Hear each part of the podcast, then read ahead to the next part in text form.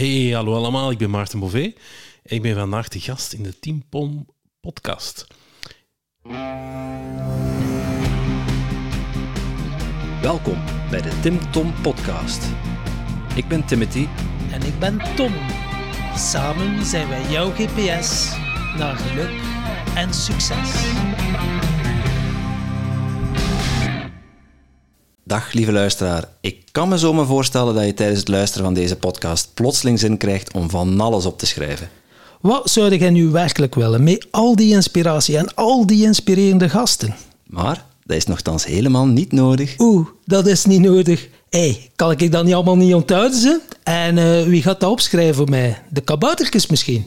Nee, maar dat hebben wij al voor jou gedaan. Surf naar www.timtompodcast.com en daar vind je een blog boordevol tips en wijze inzichten van onze gast.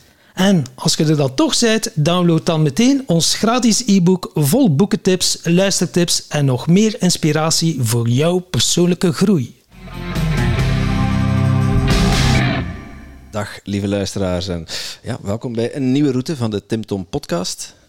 En uh, ja, toch wel een bijzondere gast voor ons, Tom. Vandaag is het een bijzondere gast. Uh, het heeft heel wat deuren opengezet uh, bij ons. ja, het is de organisator van de Belgian Podcast Awards. Wauw, dat we zo'n platform kregen en dan ook nog als een, een award in de, in de wacht hebben gesleep, geslopen. Ja, gesleept, maakt allemaal niet uit. Is dat, geslepen, op, is dat op mijn kassen? Blijf ja.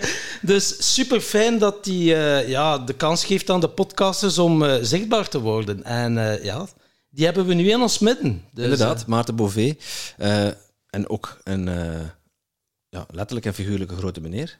En uh, ook ondernemer. Dus ik ben uh, benieuwd. Hij heeft zelf ook een podcast. Dus uh, veel raakvlakken om over te praten, denk ik. Mijn gedacht.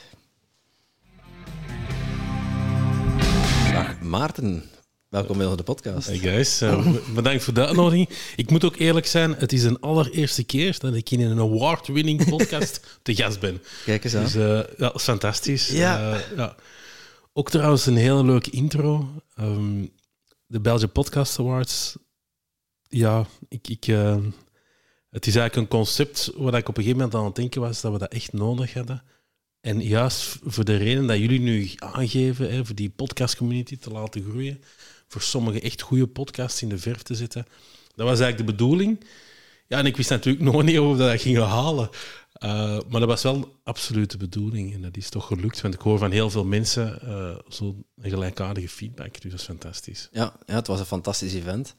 Uh, bedankt ook om dat te organiseren, want wonder boven wonder, dat bestond nog niet in België.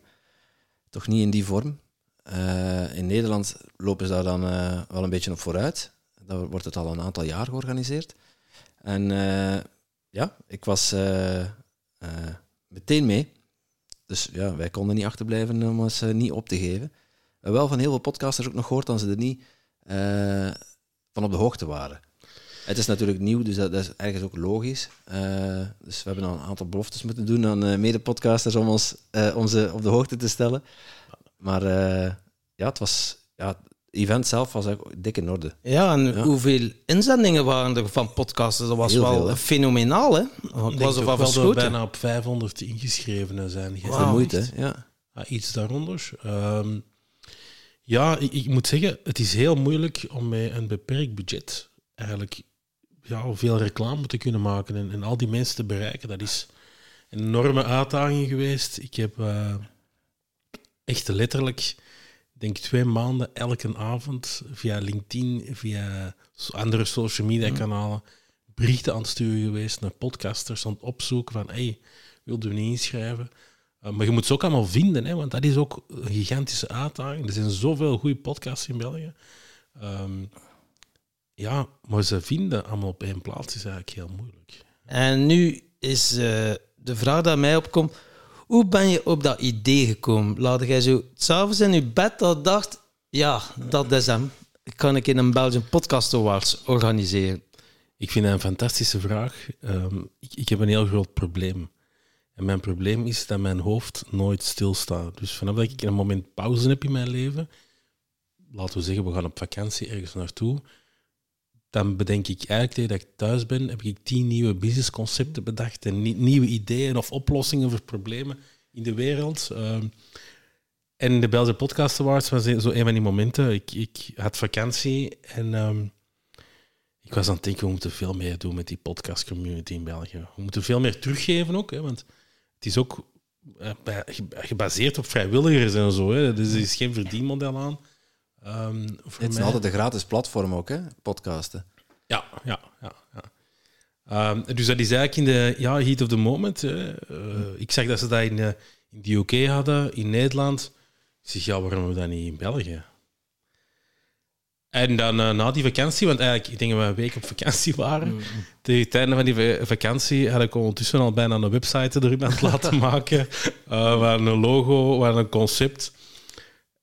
En daar zijn we er gewoon om begonnen. Just do it. Klinkt een beetje zoals onze podcast is ontstaan eigenlijk. eh. Ja. De wilde bevlieging, eh, een wild idee en dan dat dingen gewoon in één keer ook op een heel rap tempo ontstaan. Ja. Ja, maar soms, ik denk dat het idee ergens in de paasvakantie was, eh, dat we toen een weekje ergens weg waren. Het, het was een bevlieging, ergens wel. eh maar aan de andere kant zag ik echt wel van, ja, dit moeten we gewoon doen. Eh, Je voelt dat, ja. Ja, je voelt dat. hè, Want je hebt, ik ben iemand die continu nieuwe ideeën heeft. Ik probeer wel wat te filteren, want anders, ja, Ja. raakt er nergens niet en zitten van alles en nog wat aan het doen. En ik doe nu al voor heel veel mensen veel te veel, maar voor mij valt dat eigenlijk allemaal best wel mee. Je moet jouw eh, monkey mind ook voeding geven. eh. Ja, ja, ja, Genoeg te doen, want eh ja genoeg verveelt de Maarten zich. eh. Dan hadden we weer nieuwe ideeën bedenken, dat moet je ook niet hebben. eh. Jawel, jawel, pas op. Ehm vind ik een heel interessante. ehm de Monkey Mind. Zo heb ik het nog nooit gehoord, maar het is een heel interessante. Ja, ik, ik ben wel iemand die gelooft in, in focus en in, in, in momenten creëren voor jezelf, dat je wat tijd met jezelf doorbrengt. Dat is voor mij echt de sleutel tot succes. Want als je dat niet doet en, en je bent een hele dag op social media of een hele dag tv aan het zien of een hele dag je bent bang om contact te hebben met je eigen, dan, dan komt er eigenlijk ook niet. In mijn opzicht, hè. Eh, ja. Dus je gaat in stilte dan. Eh, en heb jij zo, als er ideeën komen, want ja, tegenwoordig eh, ben ik zo wel bezig met presence in het moment zijn. En nu kan ik ook wel voelen als er een idee ontstaat, het komt vanuit mijn mind of het komt vanuit mijn kern. Heb jij ook zo al de onderscheid kunnen maken dat je zo voelt, wow, dat is hem? Dat is een goede vraag. Misschien moet je eens beschrijven wat je bedoelt met, vanuit je mind of vanuit je... Ja, soms kan je wel eh, zoiets hebben, een, een eh, soort Eureka-moment. Dat het zo, gans je lijf vibreert zo, wow, dat is het. Of je kunt ja, vanuit je mind, ah ja, dat is misschien een keer interessant om te doen. Hmm, ik weet niet wat ik helemaal daar een onderscheid in maak, als ik eerlijk mag zijn. Ehm, ik probeer wel de dingen heel hard te beredeneren. Dus eh, als ik die ideeën heb en die blijven zo wat hangen, Ja. ehm, of ideeën hoor van iemand anders, dan wil ik wel eerst zien, je ziet daar wel een model in waar je iets mee kunt doen. Leidt dat tot iets? Mhm. Dat is voor mij wel... Probeer Ja. echt wel te beredeneren. Een idee kan natuurlijk ook groeien. Het kan een zaadje zijn en hoe langer dat ik erop focust, dan zeg Ja. wow, en dan komen er dingen bij dat je ook wel ergens voelt van, ja, dat, dat kan er wel worden.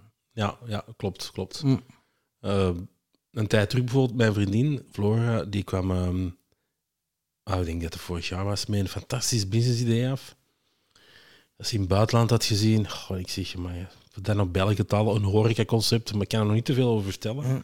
Ehm, ik zeg, ja, ik weet het niet. Ik weet het echt niet of dat kan werken. En dat heeft mij eigenlijk een jaar moeten sudderen. En dan zijn we ook eens gaan kijken hè, naar een aantal eh, zaken in het buitenland. En dan dacht ik van, ja, dan moeten we het doen. Dus voor mij, of dat nu uit mijn, mijn beetje de core komt, of Ja. gut feeling, of of dat je het beredeneerd iets is, Ja, ja, ik wil dat wel valideren voordat ik mijn tijd erin steek. Dus het is echt ook wel iets van voelen van, voel het goed of niet goed ergens dan toch? Ja, want Ja. zelf als je dat echt aanvoelt, Ja. ja, als je het aanvoelt, wil ik het nog altijd wel beredeneerd hebben, want anders uh, je Ja, voelt vaak heel veel dingen aan. En meestal, in 90% van de gevallen, klopt de gut feeling. Hè? Eh, Mhm. Maar die 10% kan u heel veel eh, schade brengen ook. Dus deze, de, eh, the more you investigate, the less you need to invest. Ja. Zeggen ze wel eens. Een beetje wel. Ja, ja. Dat, ook wel, ja, ja, dat je ergens het plan wel ziet, maar dat je dan ook gaat doorredeneren van hoe kan ik daar een werkend concept van maken. Klopt. Is het is- levensvatbaar? hè? Ja, de, maar je mocht ook, en dat probeer ik toch zeker niet te doen, je mocht ook niet eeuwig blijven werken aan je concept. Soms moet je echt wel gewoon plan as you go toepassen. Hè? Je moet eigenlijk, vind ik, op een bierviltje kunnen schrijven, oké, dat kan dat opbrengen of dat gaat werken. Hè, en dan staat dus een bus- een businessmodel. Uh, en als je denkt van, oké, dat klopt wel, er zit iets in, dan moet je soms gewoon ook actie nemen en het doen.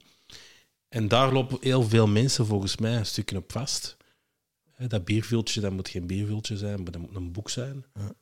Ehm, dan willen ze eigenlijk nog eerst eh, nog een hoop parameters afchecken.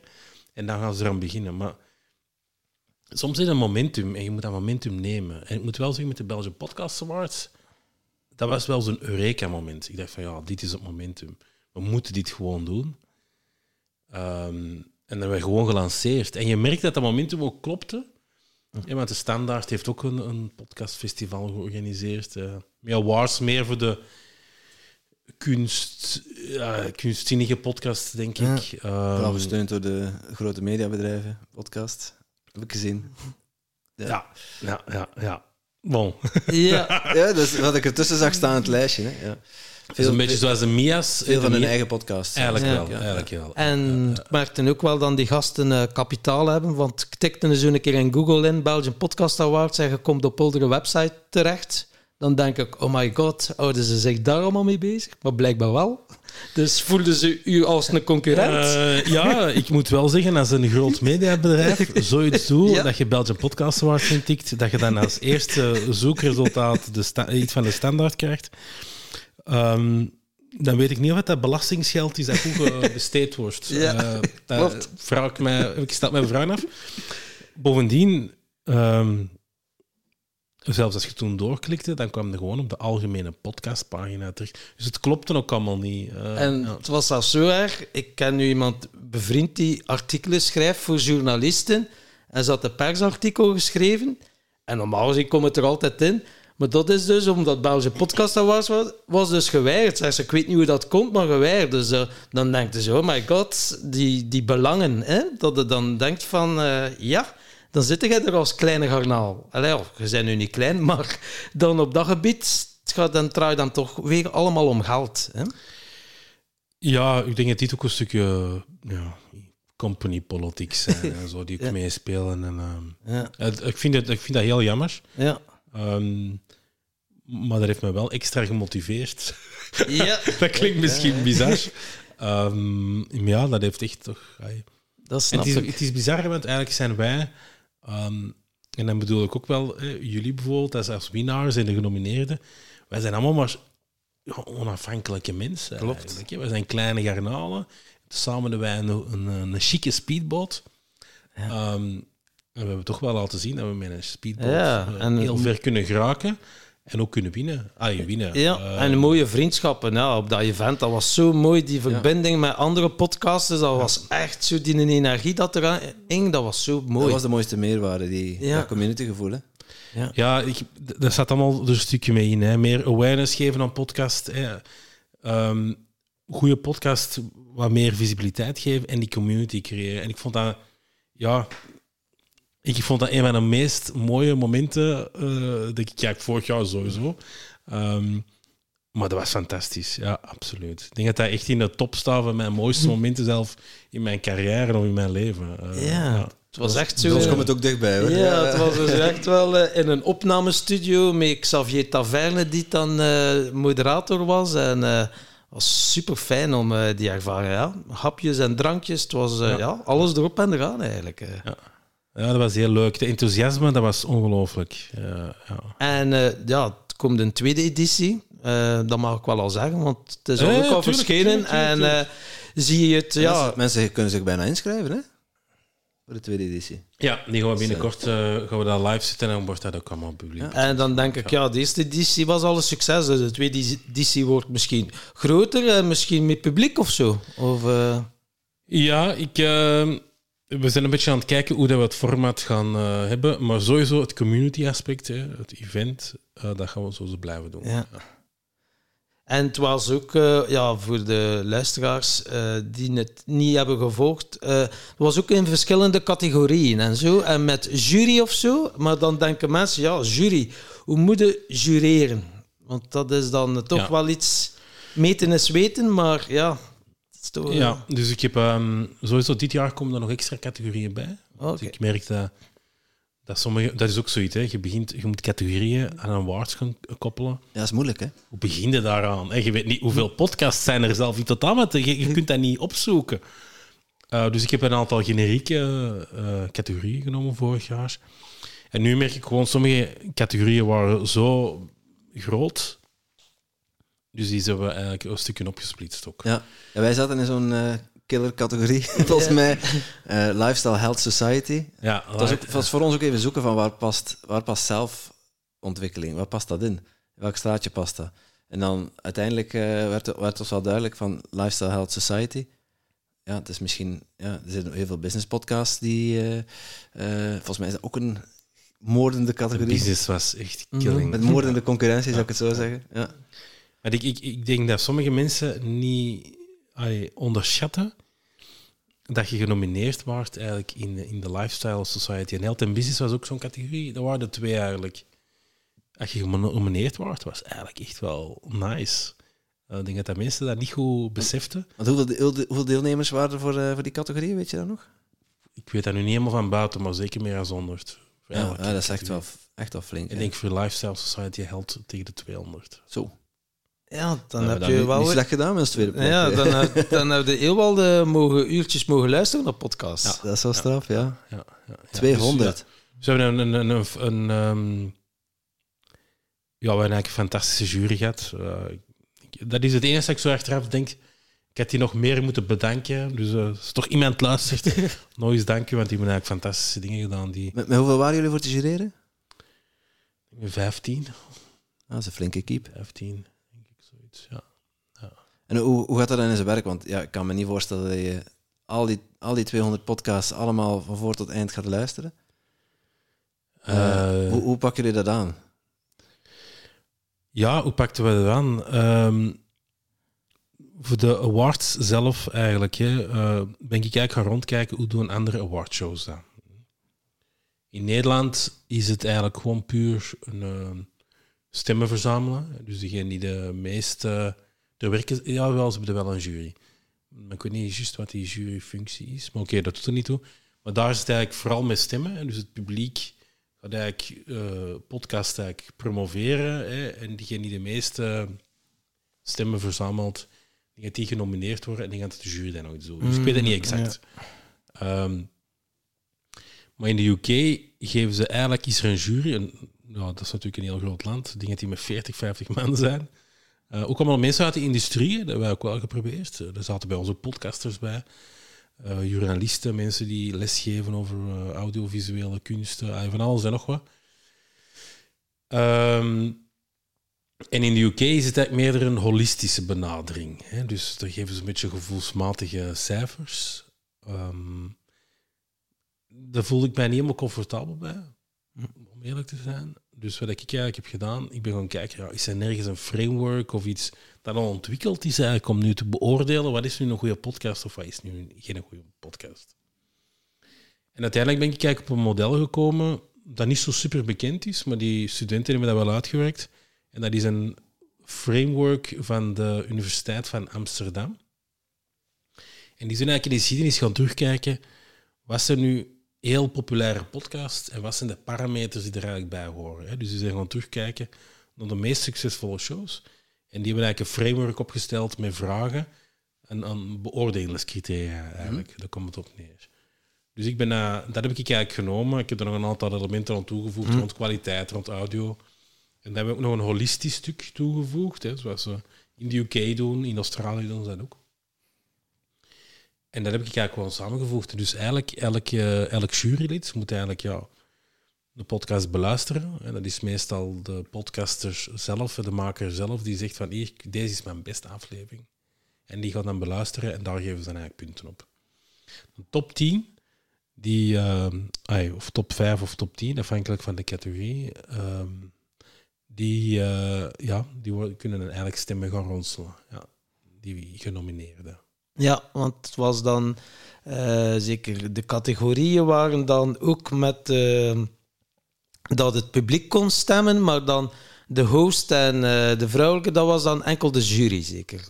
Ja, ja, ja, ja klopt. Ja. Er waren een aantal speciale categorieën. Klopt, ja. ja, ja. Ja, maar je had de hoofdcategorieën voor beste podcast in een bepaalde categorie. Bijvoorbeeld Lifestyle Health Society of journalistiek. Ja, ja, of, klopt. Dus je had inderdaad een aantal bijzondere categorieën en dat was eigenlijk rechtstreeks de jury. Ah, die nominatie zat er wel eigenlijk in, die werden eigenlijk genomineerd. En die, eh, dan gingen eigenlijk naar de geluidsfragmenten, de speciale geluidsfragmenten, die jullie ook hebben ingestuurd. Ja. Ehm, die werden dan eigenlijk beoordeeld door de jury. ja. En dat was dan voor een juryprijs de Host of the Year. Ja. Jullie hebben een mannelijke en vrouwelijke prijs uitgereikt. Eh, en er zat ook nog een publieksprijs in, hè? Ja. ja, publieksprijs was degene die de meeste stemmen ook eh, uit kunnen verzamelen. Ja. Ja. Als je zo kijkt van, naar al die categorieën, was dan volgens jou de, de populairste categorie onder podcast luisteraars? Als je mag Eh, afgaan op de stemmen dan, hè? Ja, ik, dat is een beetje een vertekend beeld. Ik denk dat er twee heel populaire categorieën zijn. Dat is sport en lifestyle society and Mm. health. Ehm, sport is ook volgens mij, omdat die gasten van Meet Meet, die hebben echt alles uit de kast gehaald ehm, om die stemmen te gaan verzamelen. Eh, Dat is niet normaal. Die hebben een t-shirtje ook eh, van eh, Kevin De Bruyne weggegeven. Ja, dat heb ik gehoord, ja. Was redelijk Ja. zot. Ja, en maar eh, ook, want dat is dezelfde familie, eh XNO.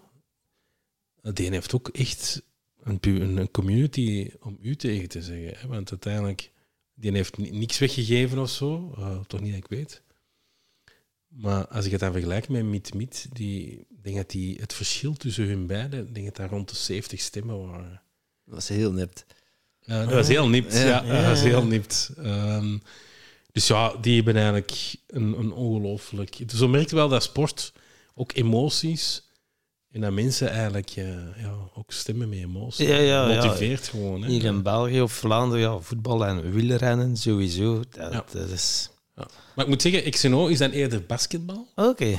Ja, dat is met Dennis Sayed. Ja. Ah. ja.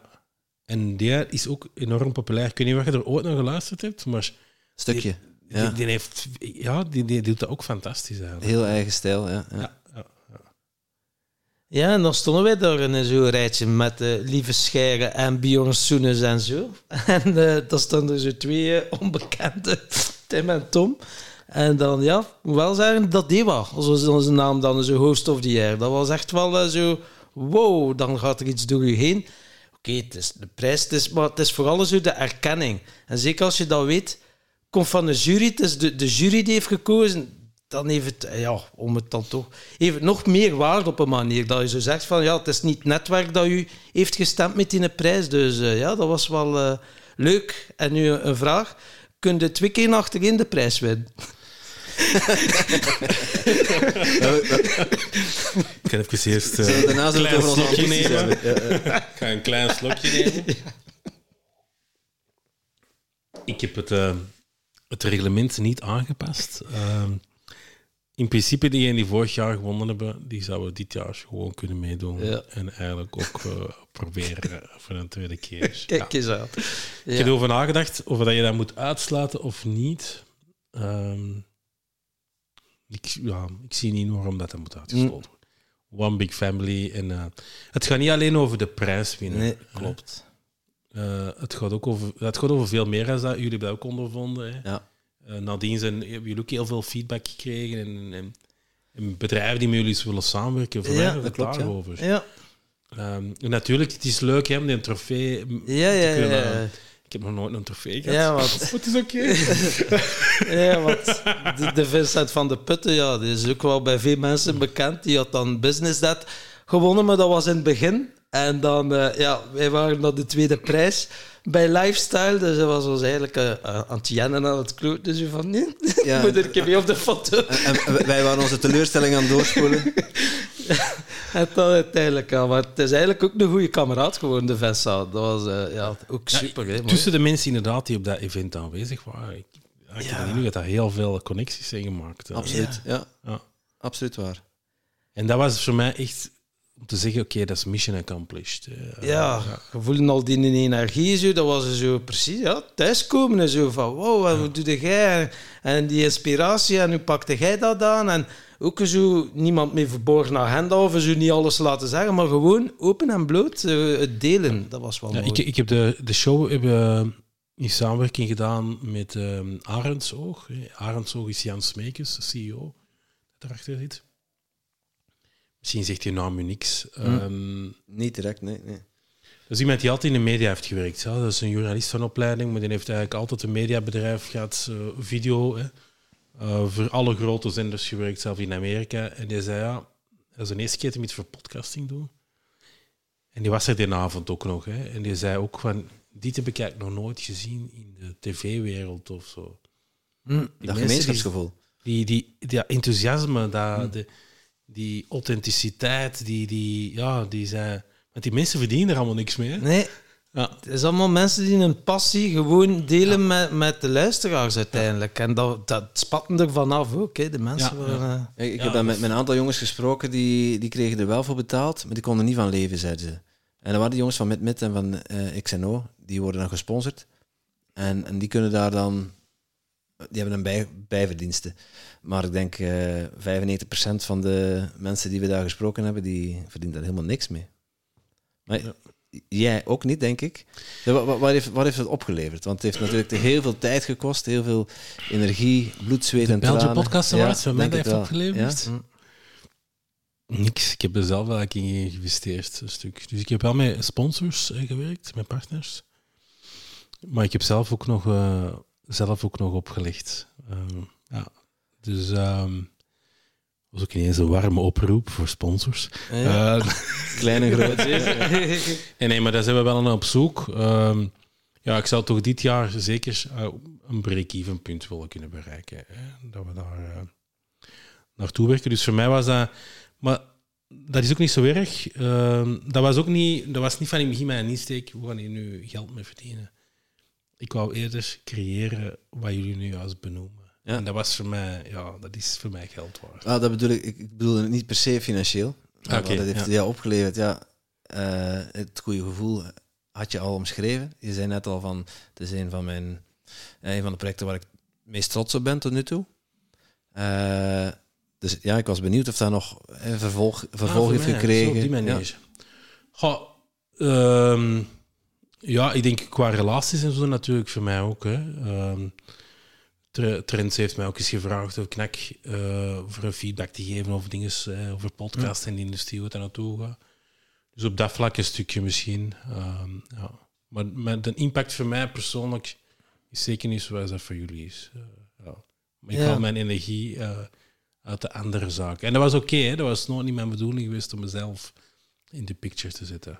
Ja, en het is ook, ja, je weet ook niet waar dat gaat eindigen, hè, waar dat, dat binnen vijf jaar gaat staan, hè, uiteindelijk. Want ja, in België is het nog niet zo heel bekend. Maar meer en meer hoor je toch ook al zo de grotere zenders, ja, luister naar de podcast of dat. Dus meer en meer mensen beginnen het begrip Ja. podcast wel te kennen. Iedereen is er eigenlijk opgesprongen. Hè. Ook de, de, het, toch het grootste mediabedrijf in de Benelux, eh, DPG Media. Die zijn nu ook ehm, ja, de ene show na de andere show aan het lanceren. Ja. Ja. En je kunt erover discussiëren dat je zegt van ja, oké, maar dat is toch niet hetzelfde dat wij doen. Maar dat is niet zo belangrijk. Het belangrijke is dat ze dat ook doen. En die hebben een heel groot bereik. Hè? En, die bereik en die maken ook mooie producties. Hè? Mm. Ehm, en als meer mensen dat we weten, oh, wat is een podcast? Ja, dan heb je eigenlijk sowieso weer, ehm, weer meer luisteraars, meer eh, mensen die jullie ook gaan leren kennen. Hè? Dan wordt het eigenlijk allemaal makkelijker. Dus je ziet gewoon in verschillende landen dat dat heel belangrijk is, dat die grote mediabedrijven erop springen. Hè? En dan groeit dat gelijktijdig. Ik weet niet of je dat nog herinnert, tijdens de show, Björn Soenens heeft dat ook uitgesproken. Hè? Dat in Amerika die mediabedrijven eerst de meeste podcasts hadden en dan die onafhankelijke, die groter en groter aan het worden waren eigenlijk. En dat die op vandaag een dag is podcasting in Amerika, wat toch het beetje het gidsland is hè, op vlak Mm. van podcasting, eh, is dat 50-50. Mhm. Dus, Oké, ja. wauw. Ja, dat is wel mooi om te zien. Kijk, ergens eh, zie je daar ook de populariteit toenemen. Hè? Dus het feit dat zij op die kar springen, betekent dat er voor hun een bepaalde incentive is geweest om daar aan mee te doen. Eh, je ziet die markt groeien. Toen wij begonnen met podcast was het nog vrij onbekend in België. Dat konden we ook terugzien in de luistercijfers overigens. En ja, naarmate de, ja, de, afgelopen jaren is dat enorm aan populariteit toegenomen. Je ziet dat ook door die mediabedrijven, maar daardoor wordt het begrip podcast veel bekender. Dat wat je zegt van, daardoor spreek je ook een veel groter publiek aan. En die komen dan links of rechts, en hopelijk ook via initiatief zoals jij het eh, organiseert, in aanraking met andere podcasts. Want er zijn zoveel podcasts. Ja, het is bijna, bijna onvoorstelbaar. Eender welk onderwerp kun je, kun je al bijna een podcast over vinden. En ja, voor ieder wat wil. Hè. Dus ik zie ook niet direct de concurrentie daarin. Er is een ander publiek waar je trekt, een andere, andere insteek. Nee, dat klopt. En ehm, het is ook niet... eh, Zelf in Amerika starten er nog elke dag nieuwe podcasts. Hè? Dus dat is niet... Dat is niet per se een bedreiging. Je bouwt je eigen community en mensen luisteren misschien graag naar u. Die luisteren misschien naar, graag naar eh Jeffke. Ehm, ja, en, en dat is uw eigen smaak en uw eigen flavors. Dus, eh, Ja, dus laat vooral ook mensen die het horen en denken van, oh, is het nog wel, is het nog wel de moeite om een podcast te starten? Want ja, die grote bedrijven springen erop. Ja, het is altijd de moeite. De markt hier is, het marktaandeel hier is nog vrij klein. Hè? Als je ziet van... eh, de markt hier is, stelt niks voor. En En ma- dat is echt, dat is, we zitten hier denk ik rond de, als ik zo de cijfers bekijk, want dat is ook, eh, je bekijkt aan cijfers, en de ene zegt 15 en de andere zegt 10 of 20. ehm, maar laten we even hè, voor de gemakkelijkheid zeggen dat 15% van de Belgen een podcast luistert. Ja. Ja, is er nog 85% over. Dus als we dat nu al goed doen hè, met die 15%, wil je zeggen dat je eigenlijk nog eh maar. 6, maal Ja. 7 kunt groeien. nog wel ja, wat het groen. een enorme Voor, groeipotentie. voordat er echt een probleem is dat je zegt van oh, nu zijn we overgesatureerd. En nu zijn er sommige luisteraars die denken: oh shit, ik wil ook een podcast starten. Hoe moet ik dat doen? En wel, daar hebben wij een oplossing voor. Want samen met Peter Snauwaard en Greet Bunnes, twee toppodcasters, hebben wij een online training gemaakt. Waar dan we alles uitleggen, het materiaal. Want uiteindelijk het komt wel iets bij kijken, maar het is ook niet hocus pocus. En als je start, kun je van keer goed starten. Dus we zullen de link eronder zetten. En eh, voor een belachelijk prijsje kunnen ze die training Ja, we volgen. hebben ook een gratis mini-masterclass Ja. gemaakt. Eh, ik, wij hebben onze fuck-ups gewoon verzameld in een, eh, in een toffe podcast. Een vodcast is geworden, met video bij. En eh waar we eigenlijk praten over onze ervaring als podcaster. Wat, wat moet je best niet doen? Wat hebben we eruit geleerd? Eh, wat werkt wel goed? Als je dat samenvat, ja, dat scheelt gewoon voor beginnende podcasters scheelt dat heel veel tijd om eh, ja, die je jezelf kunt uitsparen om te starten.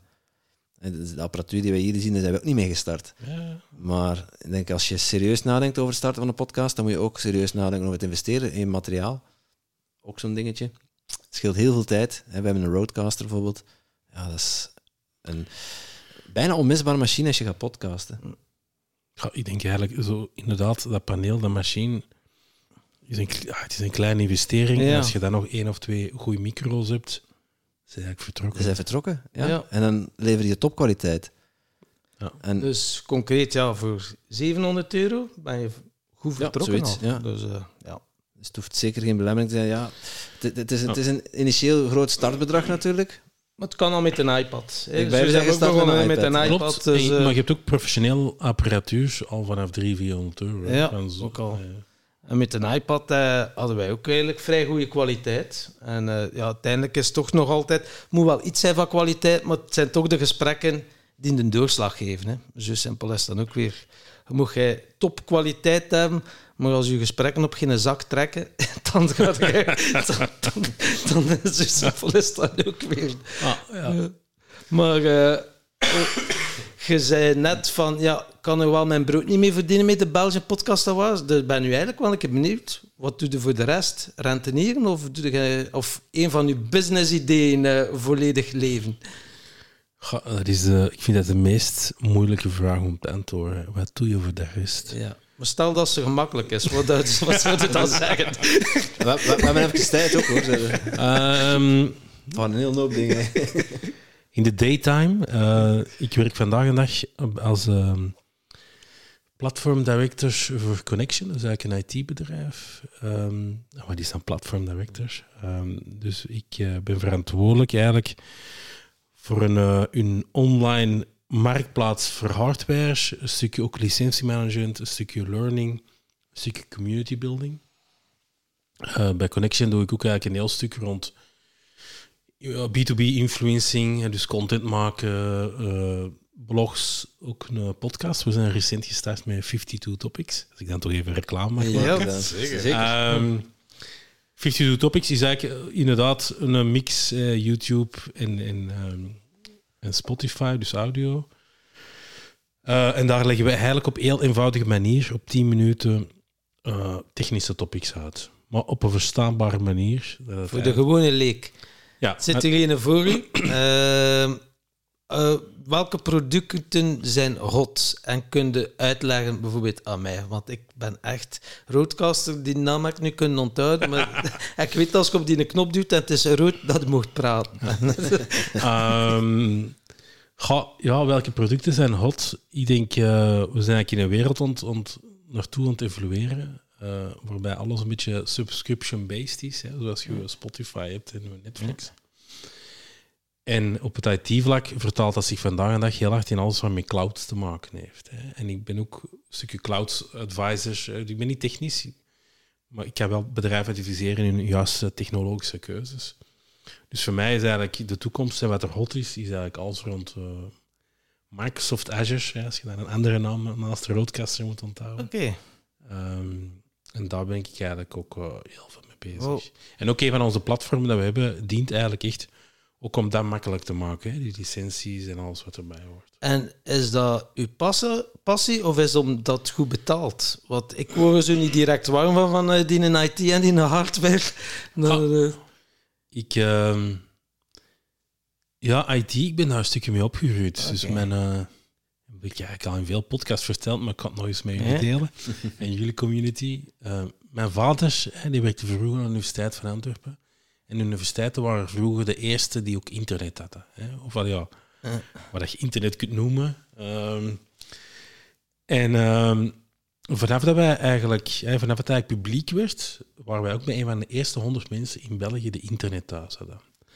Dat vertaalt zich ook in, wij waren een van de eerste mensen die thuis een computer hadden. ja. Eh, de eerste computer dat wij hadden, die werkte nog met cassettebandjes die je moest insteken in een cassettespeler en op play duwen en dan begon je programma te lopen op een zwart-groen scherm. Ah, wauw. Dus Nog voor de floppy disks. eh. ja, dat is voor de voorloper van de floppy disk eigenlijk. Ja, klopt. Ja. Eh, dus ik kon maar zeggen, ik ben ermee opgegroeid. Mm. En dat was, dat was, voor mij was dat altijd heel vreemd. Want ja, al mijn vriendjes en in school wist niemand over wat het ging. Hè, als wij dactylo kregen, dan had mijn papa hè, ook een... eh, wij hadden natuurlijk een typemachine op wel een trick werkte. Dat veel lawaai maakte. En iedereen zat er met zijn gewoon typemachine. En dat van mij moest ik al een stopcontact zoeken. En dat zoomde echt niet normaal. Als ik mijn ogen dicht doe, kan ik mij nog inbeelden. En dat stoorde iedereen. Maar mijn typemachine was wel elektrisch. Dus ja, bij mij thuis was het altijd een stukje zo die early adopting. Dus als ik denk ik 12 jaar was, bouwde ik computers en verkocht ik die eigenlijk hè, on the side. Dus ik ben altijd met technologie bezig geweest. Dus ik vind dat wel Ah. leuk. Ehm, ah, leuk, ik vind dat gewoon interessant. Ja, en nu nog, als de nieuwste iPhone eh, uitkomt, zeiden Nee, yes, die moet ik hebben. Nee, het is niet meer eh, zo van... eh, Nee, nee, nee. Ik heb mijn eigen leren beheersen. Ja, dat vertaalt zich wel. We hebben het juist over podcastmateriaal gehad. Eh, dat vertaalt zich natuurlijk wel in altijd maar materiaal kopen. Ik denk dat dat misschien een ziekte is. Ehm, eh, nog nieuwe micro's. eh, toch nog eens experimenteren met extra belichting, eh, video. Dus dat vertaalt zich wel misschien op die manier, eh, mijn koopdrang. Maar voor computers en zo niet meer. Dus maar om nog even dat je hebt zelf ook een podcast. Ja. En hoe ja, mag gerust even reclame maken. Nu noem je jouw podcast. En, mijn podcast, hè, om in de IT-wereld te blijven, Ja. noemt Cloud City. Ah. IT-wereld, ik heb het gestolen van Star Wars. Ah. Eh, ah, dat is die een podcast. Dat niet drie- gestolen, ik, heb het, ben, ik was geïnspireerd gewoon. Ah. Ja, ja. Dat is die een podcast die drie prijzen heeft gewonnen op de Belgian Podcast Awards. Drie prijzen en de rest. Die naam stond op bijna alle prijzen. hè. Ja. Oh. ja. Ja, die wel een trofee goed bekeken, want dat staat er overal op. Bij ons staat de podcast zit hier, zit erop, ja. Dat is een eh, spin-off van... eh, Ja, ja eh, nee, het is eigenlijk de eerste, enigste podcast die niet mocht meedoen. Oké. Dus, eh, dat Dat is jezelf uitgesloten. Ja. Ja, ja, ja. Wat eigenlijk niet zo abnormaal is, hè. Je een awardshow organiseert. dat je wij geen award Ik geeft. zou toch de spelregels een keer herzien. Dat, Ja. Jij wou het ook een award hebben? Nee, nee. Ik maar zal- eigenlijk, onze podcast begint altijd met de vraag van de vorige gast. En ja, die gaan we die nu stellen. Ehm, van Piet Philly, een bekende artiest in Nederland. En eh de diene vroeg hem af. Wat is het gedeelte van jezelf waar je moeite hebt om naar te kijken? En wat doe je eraan om er naar te kijken, zodat je meer zelfliefde ervaart? Oei. Wij dachten dat ook. Oei. Eh, Misschien we de vraag nog herhalen. Ja, ja. Wat is het gedeelte van jezelf waar je moeite hebt om naar te kijken? ja, dat is een, eh, een heel goed. Daar begint het eigenlijk al. Vind ik al een heel moeilijke vraag. Ehm, want ik bedoel, ik, ik vermoed dat hij het eerder bedoelt als een. ehm, iets, eh, hoe dat je je eigen voelt of hoe dat je je eigen gedraagt. Ehm, Ja, wat zou je, mocht je een toverstokje hebben, wat zou je dan jezelf veranderen misschien? Eh, mijn probleem is, ik ben al redelijk gelukkig met wie ik ben. Mhm. Ehm, heb ik moeten leren. Allee, ehm, er is maar één ding dat mij regelmatig stoort, en dat is eigenlijk iets uiterlijk. Eerder. En misschien moet dat dan vertaald worden naar Mhm. iets eh, dingen. Ja, ehm, en dan, dat is... eh, Oké, dat is de eerste podcast dat ik dat zoiets ga vertellen. Oké, is wat. Ik heb gezegd dat alles bespreekbaar was. Ja. Ja, als ik naar mijn eigen in de spiegel kijk, dan herken ik me eigenlijk bijna niet. Of ik zie mij op film. Ik doe dat allemaal. Maar ik, ik, ik, in mijn eigen, mijn eigen zelfbeeld ben ik nog altijd een gast die ehm, makkelijk 40 kilo minder weegt dan de persoon eh, dat ik nu zie. En ik probeer er altijd aan te werken, of om, om de momenten te vinden om daar echt aan te werken. En hoe vertaalt zich dat? Dat vertaalt zich niet in minder pizza's bestellen, want eigenlijk zo slecht eten doe ik niet. Ehm, maar dat vertaalt zich wel in ehm, meer gaan sporten, meer bewegen. Hè? En, en dat is ook omdat ik heel veel dingen doe tegelijkertijd. Dat ik eigenlijk te weinig tijd in mezelf investeer om, om daarvoor te zorgen. Dus misschien als ik één ding mag kiezen dat ik zou willen veranderen, is beter voor mijn lichaam zorgen en voor mezelf zorgen. Dus eigenlijk eh, zelfzorg. En, Ja. eh, en eh, ja, je kunt misschien al een eerste actie doen en uitspreken hier. Eh, wat gaat er nu eh, vanaf morgen veranderen? Heb jij een voorstel? Klein beginnen. Klein beginnen. Ik moet eigenlijk terug beginnen lopen. Terug beginnen lopen. ehm, Intermittent fasting, heb je daarvan gehoord? Je hebt naar Pieter, Ja, je ja. hebt naar Pieter Loriron geluisterd. Ja, maar ik ken intermittent fasting wel. Eh, maar ook die dingen. ehm, ik begin daaraan en na een week is er dan toch iets, een dinertje of dit of dat. En dan verwatert dat. En eigenlijk mezelf houden aan daar terug direct mee te beginnen en een bal niet te laten vallen. Om het dan toch in de basketbalsport te houden. Eh, dat zou een heel belangrijke zijn. En Pieter Loridon, ja, die doet dat fantastisch. Heel veel goede content. Ehm, ik, wat ik nu doe, is eh, zelfs één week per maand. Dus ik heb dat nu in april gedaan, in mei gedaan. Doe ik een prolonged fast. En dat is vijf dagen niet eten. Wel water drinken. Oké. Gelijk extreem.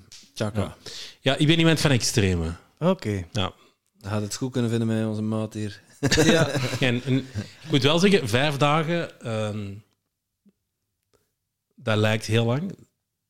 Maar eigenlijk, als je zo die eerste drie dagen door bent, dan zit het er eigenlijk. En dan kun je er zelf tien dagen van maken, denk ik, als Ja. je wilt. Ja, maar dan is er zo'n stemmetje in mijn hoofd dat zegt van Maarten, denk niet dat dat gezond is. Dan wordt het een dry fast, heeft Tom Dry fasting, ik heb het zo gedaan, drie dagen niet eten en niet drinken. En ook niet douchen, weet je, want dan is, eh, ja, Dat, gewoon... wa- dat was belangrijk, dat niet douchen. Ja, niks van water. Geen contact, geen aanraking met water. Omdat als je je handen wast of zo, kan je huid wel op die manier water afzoeken. Dus dat is echt wel 72 uur, niks, geen contact met water. En eh, Drooglegging.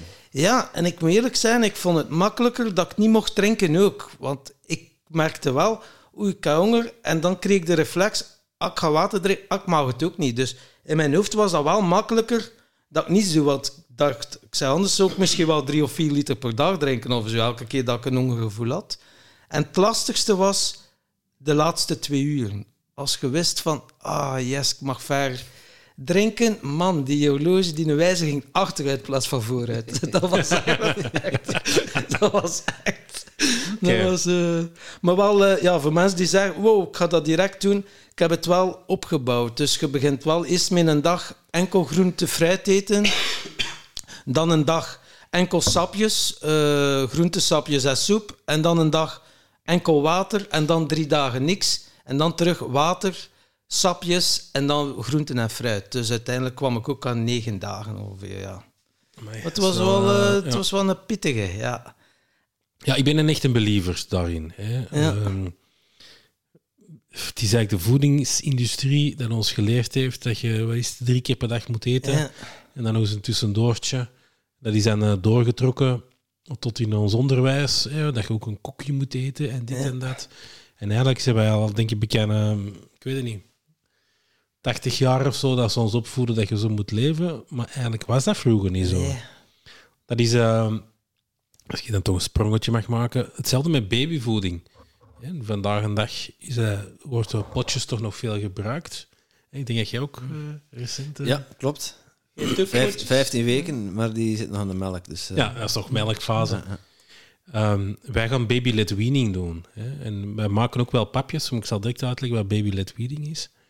Ehm, maar in veel andere landen geven ze geen potjes eten. Hè? Het is vorige week denk ik nog in testaankoop geweest ehm, dat er eigenlijk geen goede potjesvoeding is. Dat er eigenlijk altijd dingen in ontbreken. Te weinig vetten, te weinig dit, te weinig dat. Ehm, maar toch hebben ze eigenlijk heel lang de voedingsindustrie, en ik wil er niet iedereen afzeiken, hè, want dat is... ehm, maar eh, als ik die woorden mag gebruiken, hè, Zeker. Ja, ja. ehm, hebben ze ons wel geleerd dat dat de manier is, de beste manier, en dat dat gezond is en dat dat normaal is. Maar in veel landen van de wereld hebben ze daar geen tijd voor. En, en- En geen geld voor ook. Ah, ik bedoel, geen geld eigenlijk, inderdaad. En dan moeten ze eigenlijk heel snel gaan meten. En baby-led weaning bijvoorbeeld is eigenlijk, eh, dat kunnen we vanaf zes maanden doen. Dan krijgen ze eigenlijk bepaalde groenten. En dan slagen ze eigenlijk de papjes van een stukje over. Nu, wij doen nog ook wel wat papjes tussendoor. Ehm, Dat is ook een verschil of je ze zelf maakt of... eh, ja, wij maken alles ja. zelf. Ja. Wij gaan geen potjes doen. Mm. En ik wil maar zeggen, dat is juist hetzelfde met een impact. Mensen onderschatten dat soms, hè, met een impact dat industrie of lobbygroepen soms hebben op de gewone alledaagse mens, is gigantisch. Ja, en En als die hebben ons een voedingspatroon opgelegd dat eigenlijk niet strookt met dat we je- echt nodig hebben. En als je vandaag zegt, eh, dat is niet zo, ik geloof er niet, dan zit er zo'n beetje een uitzonderlijke, dan denk je zo, nou... ja. Maar als je onderzoek doet en dan zie je de voedingsindustrie en de farmaceutische industrie, het zijn dezelfde bazen. Dus eh, de voedingsindustrie maakt je ziek en de farmaceutische industrie houdt je ziek. Dus ja, het is wel een mooi, fucking mooi verdienmodel uiteindelijk. Hè? En, eh, ja. Zo simpel is het dan ook weer. Je weet hoe de voedingsindustrie in elkaar zit, maar toch wil je er voor jezelf... Je bent er ook ingetuind, je zit er ook middenin, in de, in de rat race dan. Eh, want je wil daar wel nog iets mee. Ehm, In Ja. hoeverre ben je mee bezig? Want je, je zegt van, eh, voor mij is het belangrijk, ik zou, ik zou graag wat minder, eh, wat minder kilo's aan mijn lijf hebben hangen. Als ik het zo mag zeggen. dan mocht dat zo zeggen. Ja? En voeding is daar natuurlijk een, een, een belangrijke in. En onze voedingsindustrie, wat Tom net zegt. Voeding, voeding is daar een belangrijke in, maar het is ehm, nooit... Dat is niet het enige dat telt. Hè. Het is die beweging. Het is ook... Mensen bewegen niet meer genoeg. Ehm, en ik denk dat wij continu overschatten hoeveel dat we moeten eten om die wijn... Als je in een hele dag een kantoorjob hebt, hè, dan denk je dat je met 1500 calorieën toekomt. Maar je moet dat eens 1500 calorieën eens op een bord leggen. Dat is echt niet zoveel eigenlijk. eh. zeker niet als je rekening houdt met hoe dat alles wordt klaargemaakt. Ik heb misschien wel de oplossingen voor jou. Vorige week hadden we Edwin Selei gast eh, in eh, het grootste hypnoseinstituut van eh, Europa.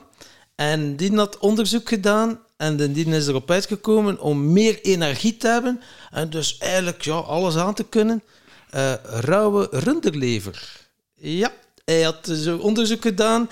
Een roofdier, als hij een prooi pakt, die eet direct de ingewanden en de lever. En, eh, als eerste, ja. en, eh, maar wel natuurlijk biologische lever. Maar daar zit massa's energie in. En dat was het twee, drie weken aan het doen. En is dat toch eh, redelijk energiek voor ons. En neemt dan nog supplementen. Wat was het? Stierenkloot? Nee, ik weet niet wat dat allemaal was. Orgaansupplementen. Orgaansupplementen, ja. Dus, eh, Oké, oké. is er redelijk obsessief mee bezig. Ja. Hij, zag er, hij was eh, 47, hij zag er wel afgetraind uit. Ja, dat is wel een feit. Maar dat zal niet alleen van die stierenklontjes zijn, vermoed ik. Nee, Nee, hij durft zijn ook al smijten met de crossfit. Ja. Ja, ja, Ja, ja, ja, ja. Het is wel... eh, Ja, ik ben eigenlijk ook terug begonnen met crossfit deze week. Oké. Dus, eh, ja. dus ik ga morgen eigenlijk crossfitten. Ah, kijk, voilà. Om je op de vraag te beantwoorden, Ja, ga ik, morgen ja, ja, crossfitten. Ja, ja, mooi. Maar die, die eerste twee weken, dat moet eigenlijk doorgeraken. Hè? En dan hebben we meestal een gewoonte aangeleerd. Hè? Want Ja. zo weinig moet je eigenlijk doen om een nieuwe gewoonte aan te leren. Dus En, twee eh, weken een patroon volgen. Twee weken is snel, maar het kan. Ja, in sommige boeken zeggen ze 66 dagen of zo, maar het moet u iets opleveren. Hè? En als de, ja, de pijn groot genoeg is, houdt het ook wel... Ja, de, de twee motivatiefactoren is plezier en pijn, uiteindelijk. En, eh, Het gaat in trapjes, sommige zijn in trapjes van 20 dagen. ja. Dat je het eerst terug moet ge- gewoon raken, dan moet je het volhouden en dan moet je nog eh, jezelf blijven motiveren aan de lange termijn. Maar als de, benefits pijn, blijven, als de eh. pijn groot genoeg Ja, is, dat is en belangrijk. Als je dan zo'n beeld hebt van u, wow, mijn hypnotherapeut heeft dat gedaan met alcohol. Ik was dan vroeger ambtenaar en dan zo in hypnose zei hij dan van, zie u zelf zitten als je nog alcohol drinkt, 64 jaar, je zit er bij al die depressieve mensen op bureau en je stinkt uit je bakken, zie je zitten, kilo's te veel. Man, ik kreeg dat beeld van mezelf en dat gevoel, ik dacht, what the fuck. En nu elke keer als ik denk aan alcohol, pak, krijg ik dat beeld en dat gevoel. Dan denk ik, ah nee, dat gaan we niet doen. Nee, dat Ik zie het nu ook even. way. ja, klopt. maar kijk in de spiegel. Maar zijn, zijn, zelfbeeld is niks mis mee, hè? In zijn hoofd ziet hij er gewoon afgetraind in 20 jaar uit. Dus Voilà, dus eh, ja. ah, Ja, het, het, gewoon het beeld in de spiegel klopt niet wat hij in je hoofd hebt. Ik vind dat mooi gezegd ook, hè? ja. Dat je wel gewoon goed voelt. En, en, en, Uiteindelijk. en- maar het is niet dat ik mij er echt slecht over voel. Sommige Nee, nee. momenten voelt u dat natuurlijk Mhm. wel. Hè. Ehm, maar eh, het is ook niet, het, het is zeker geen leeftijdsaspect. Want je zegt nu 20-jarige afgetrainde. Ik voel, ik voel me nu ook niet hetgeen ik ben. Maar, eh, dat is niet zo'n ding. Maar het is vooral eerlijk zo, ja, de, de fysieke persoonlijkheid. Ja. Ja. En eh, maar ja, je ziet er mij anders wel een vrij gelukkige mens uit. Dus eh, wat maakt u gelukkig eigenlijk zo? Of, eh, want gestraald, je hebt een positieve energie. Elke keer als ik u zie, dat geeft een, een goed gevoel. En, ja, dat, en dat is niet gespeeld. Ik heb dus sommigen, ze zien er afgelekt uit en dan is zo, weet je, dat is zo rolletje. en zo, Hey, hey, en je voelt zal van ver afkomen, gast. Doe een keer normaal en zijn een keer wie dat is. uit. En, eh, Ja, ja.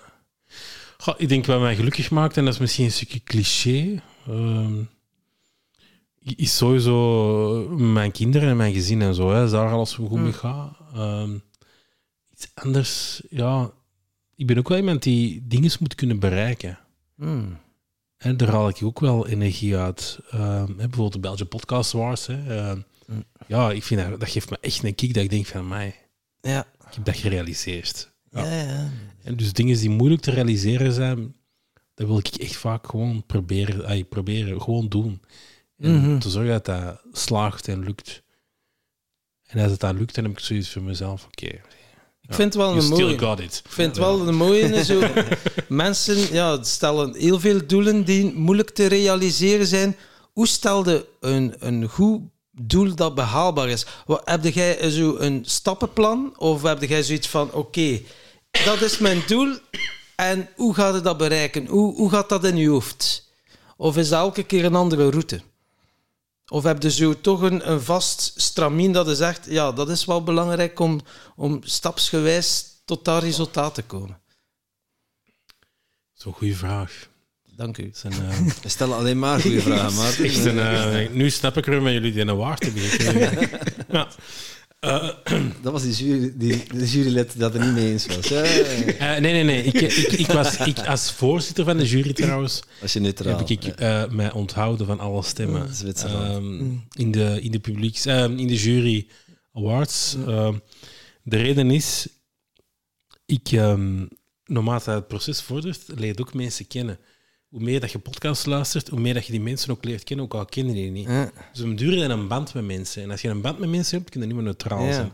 Dat is een gevaar. Zo met mijn Beauty, Injas Crombé, die had dan wel een andere band, zo dan toch mee zijn Ja. publiek. iedereen zijn ding. Maar goed, terug op de vraag. eh. Ja, doelen stellen, ja. doelen stellen. Ehm, ja, dat is iets waar ik niet zoveel over nadenk. Maar, ehm, dus ik denk ook niet dat ik echt een proces heb. Oké. Ehm, als je het verhaal van de Belgian Podcast Awards zou horen, hè, ik bedoel, hoe dat ik daar ben opgekomen en hoe ik dat heb aangepakt, niemand gelooft dat dat realistisch is. Want wat, dus wat is eigenlijk al om te beginnen een haalbaar doel? Ah, dat is misschien een mooie om even ons mee te pakken en die stappen. Dus je hebt dat idee, Belgian Podcast Awards.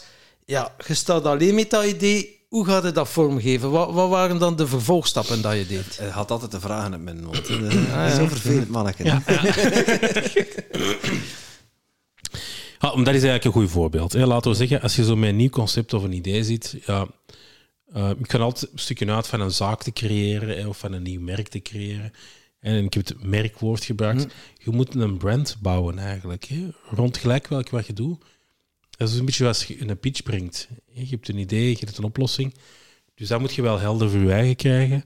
Ehm, en voor mij begint dat meestal ook van, ja, is er wel een markt voor? Dat zijn vragen die ik me wel stel. hè. Is er een markt voor? Ehm, is er concurrentie? Ehm, ja, wat kun je eruit halen? Is het mogelijk om het zelf te doen of met een aantal mensen te doen? Kun je er aan de mensen warm voor krijgen? Dat zijn wel voor mij heel logische stappen. Ehm, en als iedereen erin gelooft dat het ook mogelijk is, dan moet je er gewoon voor gaan. Eh, En dan komt het eigenlijk eens dat je dat hebt gecreëerd voor jezelf. Hè, En eh, dat- je zegt dat het mogelijk is, dan ga je gaan aftoetsen bij een, een team dat je zo hebt, dat je vertrouwt waarschijnlijk. Of eh, ja, wat je kunt Goh. zo vragen aan je vrienden en familie, ik heb een idee. En Goh, soms wel, maar meestal, als ik eerlijk mag zijn, eh, mensen, en, en dat, niemand bedoelt dat slecht, maar mensen zijn heel snel geneigd om te zeggen, ah, dat kan niet, dat is een risico. Ehm, dus als je zelf in iets gelooft, en daar moet je 100% zeker van zijn, geloof er erin. ja. Je wilde er 200% voor gaan. Mhm. Want je gaat er heel veel energie moeten insteken om het eh, te realiseren. En als je daar al niet kunt op antwoorden, als je twijfelt, dan weet ik niet wat je moet doen. Mhm. Maar je moet wel je 200% geven om het te realiseren. Ehm, en ik heb persoonlijk vaak gemerkt dat eh, het vragen aan de mensen, dat je dan niet het antwoord krijgt dat je gaat willen. En, en als je het antwoord wel krijgt, dan weet je, me- eh, als je een bepaald antwoord wilt hebben, dan weet je meestal ook wel bij welke vrienden dat je het kunt gaan vragen die wel positief gaan antwoorden. Ja, ja, ja, ja, tuurlijk. Dus een tuurlijk. beetje een bias dat je voor je eigen Ja. eh, creëert. Dus ik eerder dat je, ja, ik doe dat echt wel een stukje op mezelf. Mhm. Ja, ja. Ehm, hè, ik, ik sprak straks over dat concept van mijn vriendin, hè, dat zij die horecazaak dat we zouden willen starten. Daar was ik eerst niet van overtuigd. En dan ben ik echt een businessplan maken en beginnen rekenen en beginnen nadenken. En dan, vanaf dat ik er overtuigd van ben, kan ik het eigenlijk ook niet meer loslaten. Ja, dan ja, moeten ja. we dat gewoon Ja, doen. ja, ja. Dan komt er zo'n energie in je los dat je zoiets Ja. hebt van, ja, is... En dan eh, kan niks eigenlijk mij nog stoppen. Ah, Gelijk welke een dat je drive die kan tellen. Ja. Eh, en met- de Belgische Podcast Awards, hè, op een gegeven moment je dat gelanceerd. En een maand later is, komt er overal in de kranten dat de standaard een podcastfestival awardshow gaat doen. Ja, gaat het dan stoppen? Of gaan we dan gewoon verder doen? En op dit moment, als je daar niemand vraagt, dan gaan ze zeggen, "Ah, Marta, wat ga je tegen de mediagroep doen? Ik heb trouwens ook iemand gesproken van hun kant. En die, zei, die hebben eigenlijk dat ook gezegd van, ja, we zijn wel de standaard. We werken samen met de VRT. Ja, allee, we hebben wel veel mediabereik. Zeg ja. Het was niet zo dat ze wilden samenwerken. Ik heb dat gevraagd, ja. Maar Maar ze Nee. hebben duidelijk gemaakt dat ze hun Ja, daar te arrogant voor waren. Dus eh, ja, ja. met die woorden ook. Dus ehm, oh, ik wil er geen bashing van maken, Ja. dus eh, dat is niet belangrijk. Ehm, maar ik wil maar zeggen, even als voorbeeld, als je met een idee ziet en je gelooft erin, blijft er dan 200% voor gaan. ja. Je moet niet naïef worden. Hè. Je moet niet je huis erin steken en alles als, je, als het toch aan het verdrinken is. Hè. Want daar moet je Ja. natuurlijk wel voor oppassen. Ja. Ehm, maar eh, En dan is het een team rond, rondom jou verzamelen. Ja. Want alleen ja, wordt het dan ook weer... Maar het eh, want ik denk dat heel veel ideeën op dat punt sneuvelen. Van oké, ze hebben, een, ze hebben iets, een ingeving gekregen, ze hebben dat uitgedacht, dat lijkt haalbaar. Eh, en dan zeg je, hey, moet je overgaan tot actie. Maar, eh, maar dan, heel veel mensen staan er die alleen voor. execution. En ze worden overladen met dingen die, die gedaan moeten worden, want alles moet direct, alles moet tegelijkertijd. En puntje bij paaltje verzuipen ze in de, ja, in de to-do's eigenlijk. Ja. Execution is the key to everything. Ehm, wat kan ik daarop zeggen? Dat is niet makkelijk, maar als je iets doet, moet je proces ook zo lean mogelijk zijn. Hè? Ehm, ik kan een voorbeeld nemen van een horecazaak. Ja, iedereen kan een horecazaak beginnen. Iedereen kan een horecazaak beginnen en je kunt die inrichten zoals je wilt. Maar als je bijvoorbeeld een horecazaak inrichten, dan moet je nadenken over het proces. Wat gaat daar gebeuren in die zaak? Hoe komen de mensen binnen? Hoe gaan die betalen? Eh, kan ik die zaak met één persoon managen? Of moet ik daar voor drie man in de zaak staan, omdat de keuken zo en in de ijskast staat daar? Als je flow niet goed zit, als je flow niet goed zit in een zaak of in een businessconcept, dan gaat alles heel veel tijd in beslag nemen. En dan, dat, dat belemmert je executie al. En inderdaad, hè, dus dat is, vind ik, iets waar je al moet over nadenken, voordat ik zelf nog maar aan een team begin. En dan begin je inderdaad mensen rondom u te verzamelen om te kijken wie kan u helpen. Hè. Wie kan in de keuken staan, wie in de bediening. Ja, ja. Bijvoorbeeld de, de- de Peter Snauwaard is een van de eerste mensen, hè, Peter als je dit hoort, ehm, die ik eigenlijk ook heb gebeld om te vragen, ja, wil jij bijvoorbeeld niet mee helpen met de jury? Ehm, ja, en mijn vriendin heeft mij ook nog een stuk geholpen. Dus ja, zo heb ik eigenlijk een team opgebouwd. En, en daarmee ik ook zeg, de jury is eigenlijk heel belangrijk tussen de, de awards. Maar nu zijn we weer over de awards bezig. Het is algemeen zo. Als je dat wilt bereiken, moet je eerst weten, oké, waar gaan we naartoe? Hoe kan je dat zo efficiënt mogelijk doen? Je moet die, een beetje zoals jij dat mentaal beeld krijgt van je eh, 65-jarige zatlap, om het zo te Ja. zeggen, hè, dan ehm, moet je ook dat mentaal beeld krijgen. Hoe gaan we dat in de toekomst doen? Hoe gaat dat efficiënt lopen? Ik ga een heel makkelijk voorbeeld geven. Weer over die awards, want dat is een goed voorbeeld. Ik had in mijn inschrijving, hè, de inschrijvingsformulieren, had ik eigenlijk de titel ehm, van de podcast niet opgezet. Kun je je voorstellen wat dat als impact heeft? Dat je eigenlijk dus je inschrijvingsperiode hebt en je hebt eigenlijk drie, vierhonderd mensen waar dat je wel de naam van hebt, een telefoonnummer, het e-mailadres, de link naar de podcastshow, maar je weet niet wat een titel is van een podcastshow. mhm. Dat is pittig. Ja. Weet je hoeveel tijd dat zo'n cruciaal, simpel lijntje op je inschrijvingsformulier, hoeveel tijd dat je kost? En dat is een goed voorbeeld. Mm. Als je, je moet soms, sommige dingen moeten echt wel goed over nadenken en dat moet allemaal in de flow passen. Welke stappen moet ik nu zetten? En, en dat vind ik een heel Daar belangrijk. gaat u waarschijnlijk geen tweede keer overkomen. Het lijntje is erbij. Het lijntje komt erbij. Don't worry. ja, nog een aantal zaken die je moet automatiseren, maar. Maar dat vind ik wel een heel belangrijke. Dat je aan je future state een stukje denkt. Dat je denkt... En ben jij dan visueel, zie jij dan het beeld, hoe dat het, het eindplaatje eruit ziet? Ja, eigenlijk Oké, wel. wauw. Ja. Ja. Ja. En dan ga je terug, want dat hoor je soms ook. Hè. Mensen die doelen stellen, ze zien het eindbeeld. Ja, reverse engineering. Dank u wel voor de toevoeging. Dat je dan echt wel terug gaat, eh, stappen terugzet. Doe jij dat ook? Of is dat, gaat dat bewust, eh, onbewust automatisch bij jou dan? Eh, ik denk dat dat een beetje automatisch gaat. hè. Hm. Ja.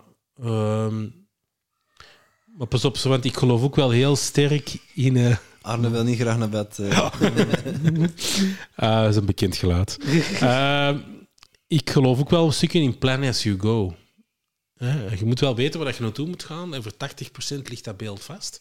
Maar je kunt niet elke stap 100% hebben uitgedacht. Hè. Reverse engineering, ik geloof er heel sterk in. En denk ik dat een stukje onbewust wel doe. Maar je kunt dat niet helemaal... ay, misschien sommige mensen wel. Mm. Ehm, en je moet blijven geloven in bepaalde dingen. Hè. En ik denk dat dat ehm, een groot onderscheid is. eh, blijven geloven en risico's nemen. Ik denk dat dat een groot onderscheid is tussen eh, mensen die echt hun dingen behalen en die het niet behalen. Ik heb een tijd terug, en dat is een verhaal dat waarschijnlijk veel mensen kennen, is van Elon Musk en eigenlijk zo die situatie dat hij had eh, met SpaceX, hè, nog een beetje geld over, hè, een miljard, een beetje. En eh, ofwel ging Tesla eigenlijk failliet gaan, ofwel ging hem eh, SpaceX kunnen redden. Maar hij had nog maar 1 miljard. En die heeft eigenlijk zelfs een raket te beginnen ontwerpen, hè, want niemand deftig wou hem helpen. Ehm, en als nog één rakettest had mislukt, dan was SpaceX failliet, maar dan was Tesla ook failliet gegaan. En dat is dan een risico dat je neemt, maar ook omdat je erin gelooft dat het kan. Mm. En eigenlijk heeft hij dan toch nog dat geld een stuk in SpaceX gestoken, die rakettest gedaan. Want zo elke failed, ah zo elke rakettest, dat kostte denk je een paar honderd miljoen eh, dollar. Ehm, die ontplofte allemaal, dus dat is heel vervelend. Ja, maar dan willen ze juist hergebruiken. ja, ja, Dan is het ja. vervelend dat ze ontploffen. Ja, ja. Ja. En die laatste is gelukt. Maar als dat niet gelukt was, dan had dat allemaal niet bestaan. Maar langs de andere kant, dat je dan vandaag ziet waar het je staat, dan ja, heeft hij wel een serieuze impact. hè. Misschien een beetje te veel, maar Ja. heeft wel een serieuze impact. Is dat iemand van uw grote voorbeelden? Of heb jij zo rolmodellen dat je zegt van wauw, daar eh, kijk ik naar op of daar heb ik veel van geleerd? Is een moeilijke vraag. Ehm, en ik heb het al een paar keer gezegd, jullie stellen fantastische vragen. Ehm, Wij weten ook dat dit on- het eh, ontwijken van een antwoord is, zodat je meer tijd hebt om na te denken. ja, dat weet ik. Ik ken de truc van de voor ook, maar... Ha, in het algemeen, ja, ik denk Elon Musk, ik vind dat hij wel coole dingen doet, maar ik vind het een beetje cliché om te zeggen dat dat nu het grote voorbeeld is. Ehm, ik hou wel van de manier hoe hij denkt en hoe hij redeneert. eh, heel hands-on is. Hè. Ehm, en daarmee bedoel ik van, ja, je begint... Niemand wil u helpen, dus dan begin je maar zelf raketten te ontwikkelen. Mm. Ehm, dus ik hou wel van die stijl, hè, Mhm. moet ik zeggen. Is dat nu echt mijn grote voorbeeld? Heb ik er alle boeken van gelezen? Nee, eigenlijk niet. Ik heb er Mm. amper een paar keynotes iets van gezien of, of interviews. Ehm, ik heb niet echt, echt grote voorbeelden, heb ik eigenlijk niet echt. Oké. Maar je bent ook wel hè, ondernemer. Wat vindt bijvoorbeeld een ondernemer dat hij zegt, ah ja, Elon Musk nu, maar misschien wat, wat dichter bij huis of zo? Mm. Ehm, Waar je wel respect voor hebt, op die manier. ja. Ja, misschien iemand... die- Ik vind dat te weinig respect krijgt, bijvoorbeeld tussen een Mark Koeken. Ehm, en ik, ik hou vaak van die ondernemersverhalen zoals dat. Het zijn van die gasten die van niks beginnen. En ik weet niet meer juist... ah ja, hij kocht vaten van een, een schoonmaakproduct, deed het dan in kleiner busjes en dan ging hij dat huis aan huis verkopen. Ehm, en zo heeft hij zijn eerste kapitaal eigenlijk opgebouwd. Hè. Dat is een beetje zoals ehm, Richard Branson in de UK. Ja, die, die is, in het begin ging die kerstbomen verkopen. Dus je kocht een veld en dan... dat, dat, vind ik, dat vind ik de coole verhalen. Hè. Ehm, en, en dat vind ik wel motiverend. En dan als ik zoiets lees, denk ik van... ah ja, oké, dat, is, dat, is, dat is top. Ehm, maar ik vind onze, onze Vlaamse of Belgische ondernemers... wij zijn er niet trots genoeg op. Wij doen eigenlijk fantastische dingen. Eh, we hebben fantastische bedrijven in, België. Om te beginnen geven we ze veel te makkelijk aan het buitenland weg. Eh, dus we bouwen het zelf vaak niet uit. En we zijn er ook niet trots genoeg op. En eens dat een ondernemer dan toch echt eh, ongelooflijke dingen heeft gedaan ehm, en een, chique auto heeft, wat investeert hier en daar, dan moeten we dat precies zeggen. Dat dan, dan heeft hij precies iets verkeerd gedaan. Dan, dan vinden we die eigenlijk... Ja, dan Arrogant, kijken we er hè, negatief. ja, Ja, ja, ja. Kijk- Hij is er weer, ja, met zijn geld. ja, ah, geld oké, genoeg, je ja, kunt ermee je vindt het allemaal makkelijk, hè? Ja, makkelijk, ja. Pak nu Jurgen Ingels. Ja, Dat is een andere eh, ondernemer. Ehm, ja, die is ook heel simpel begonnen, hè? In zijn studententijd, met feestjes en zo. Eh, maar die heeft wel waanzinnig ideeën, hè? Ik heb er een, een, een keynote van gezien. En die sprak ineens dat hij ergens op vakantie was en ze hadden een soort kokosnootschelpen En hij wou die lokale community helpen. Dus hij heeft dan maar hè, kokosnolschelten die geschilderd waren. Dus hij heeft er dan maar een paar containers besteld. Om dat dan niet te gaan commercialiseren met webshop. En hij had er nog over, maar het doet er niet toe. Of het zal die community doen.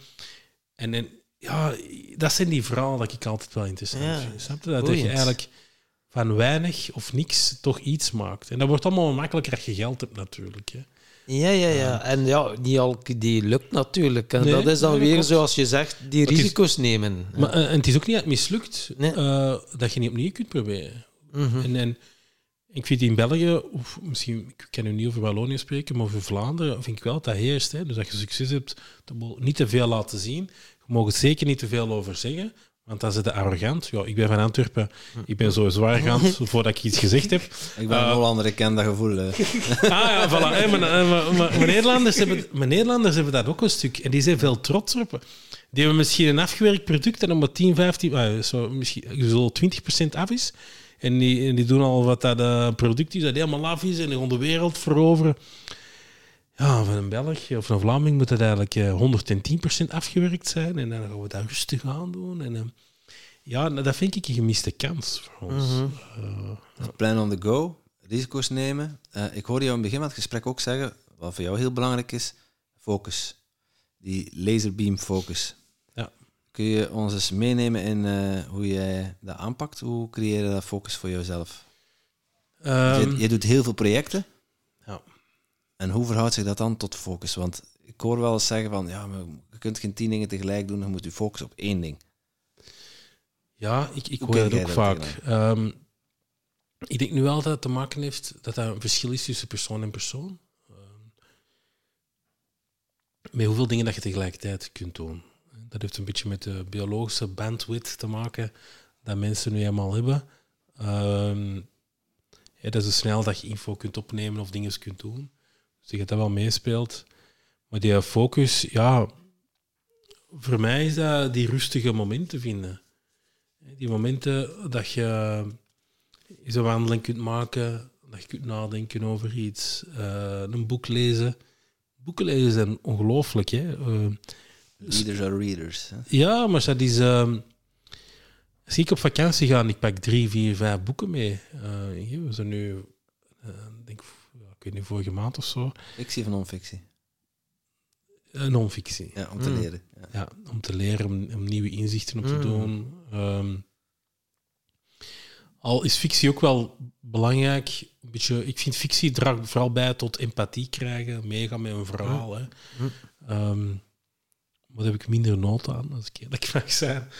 Ehm, maar dingen bijleren wel. Ik wil heel de tijd nieuwe dingen bijleren. Oké, ja. Het is Ja. niet dat je dan over verzadigd geraakt. Zo van, wow, too much info. Ik wil een keer even tot rust komen ook, zonder te leren. Maar voor mij is dat tot rust Oké, komen. ja, dat is Ja. interessant. Ja, want dan lees ik een stukje.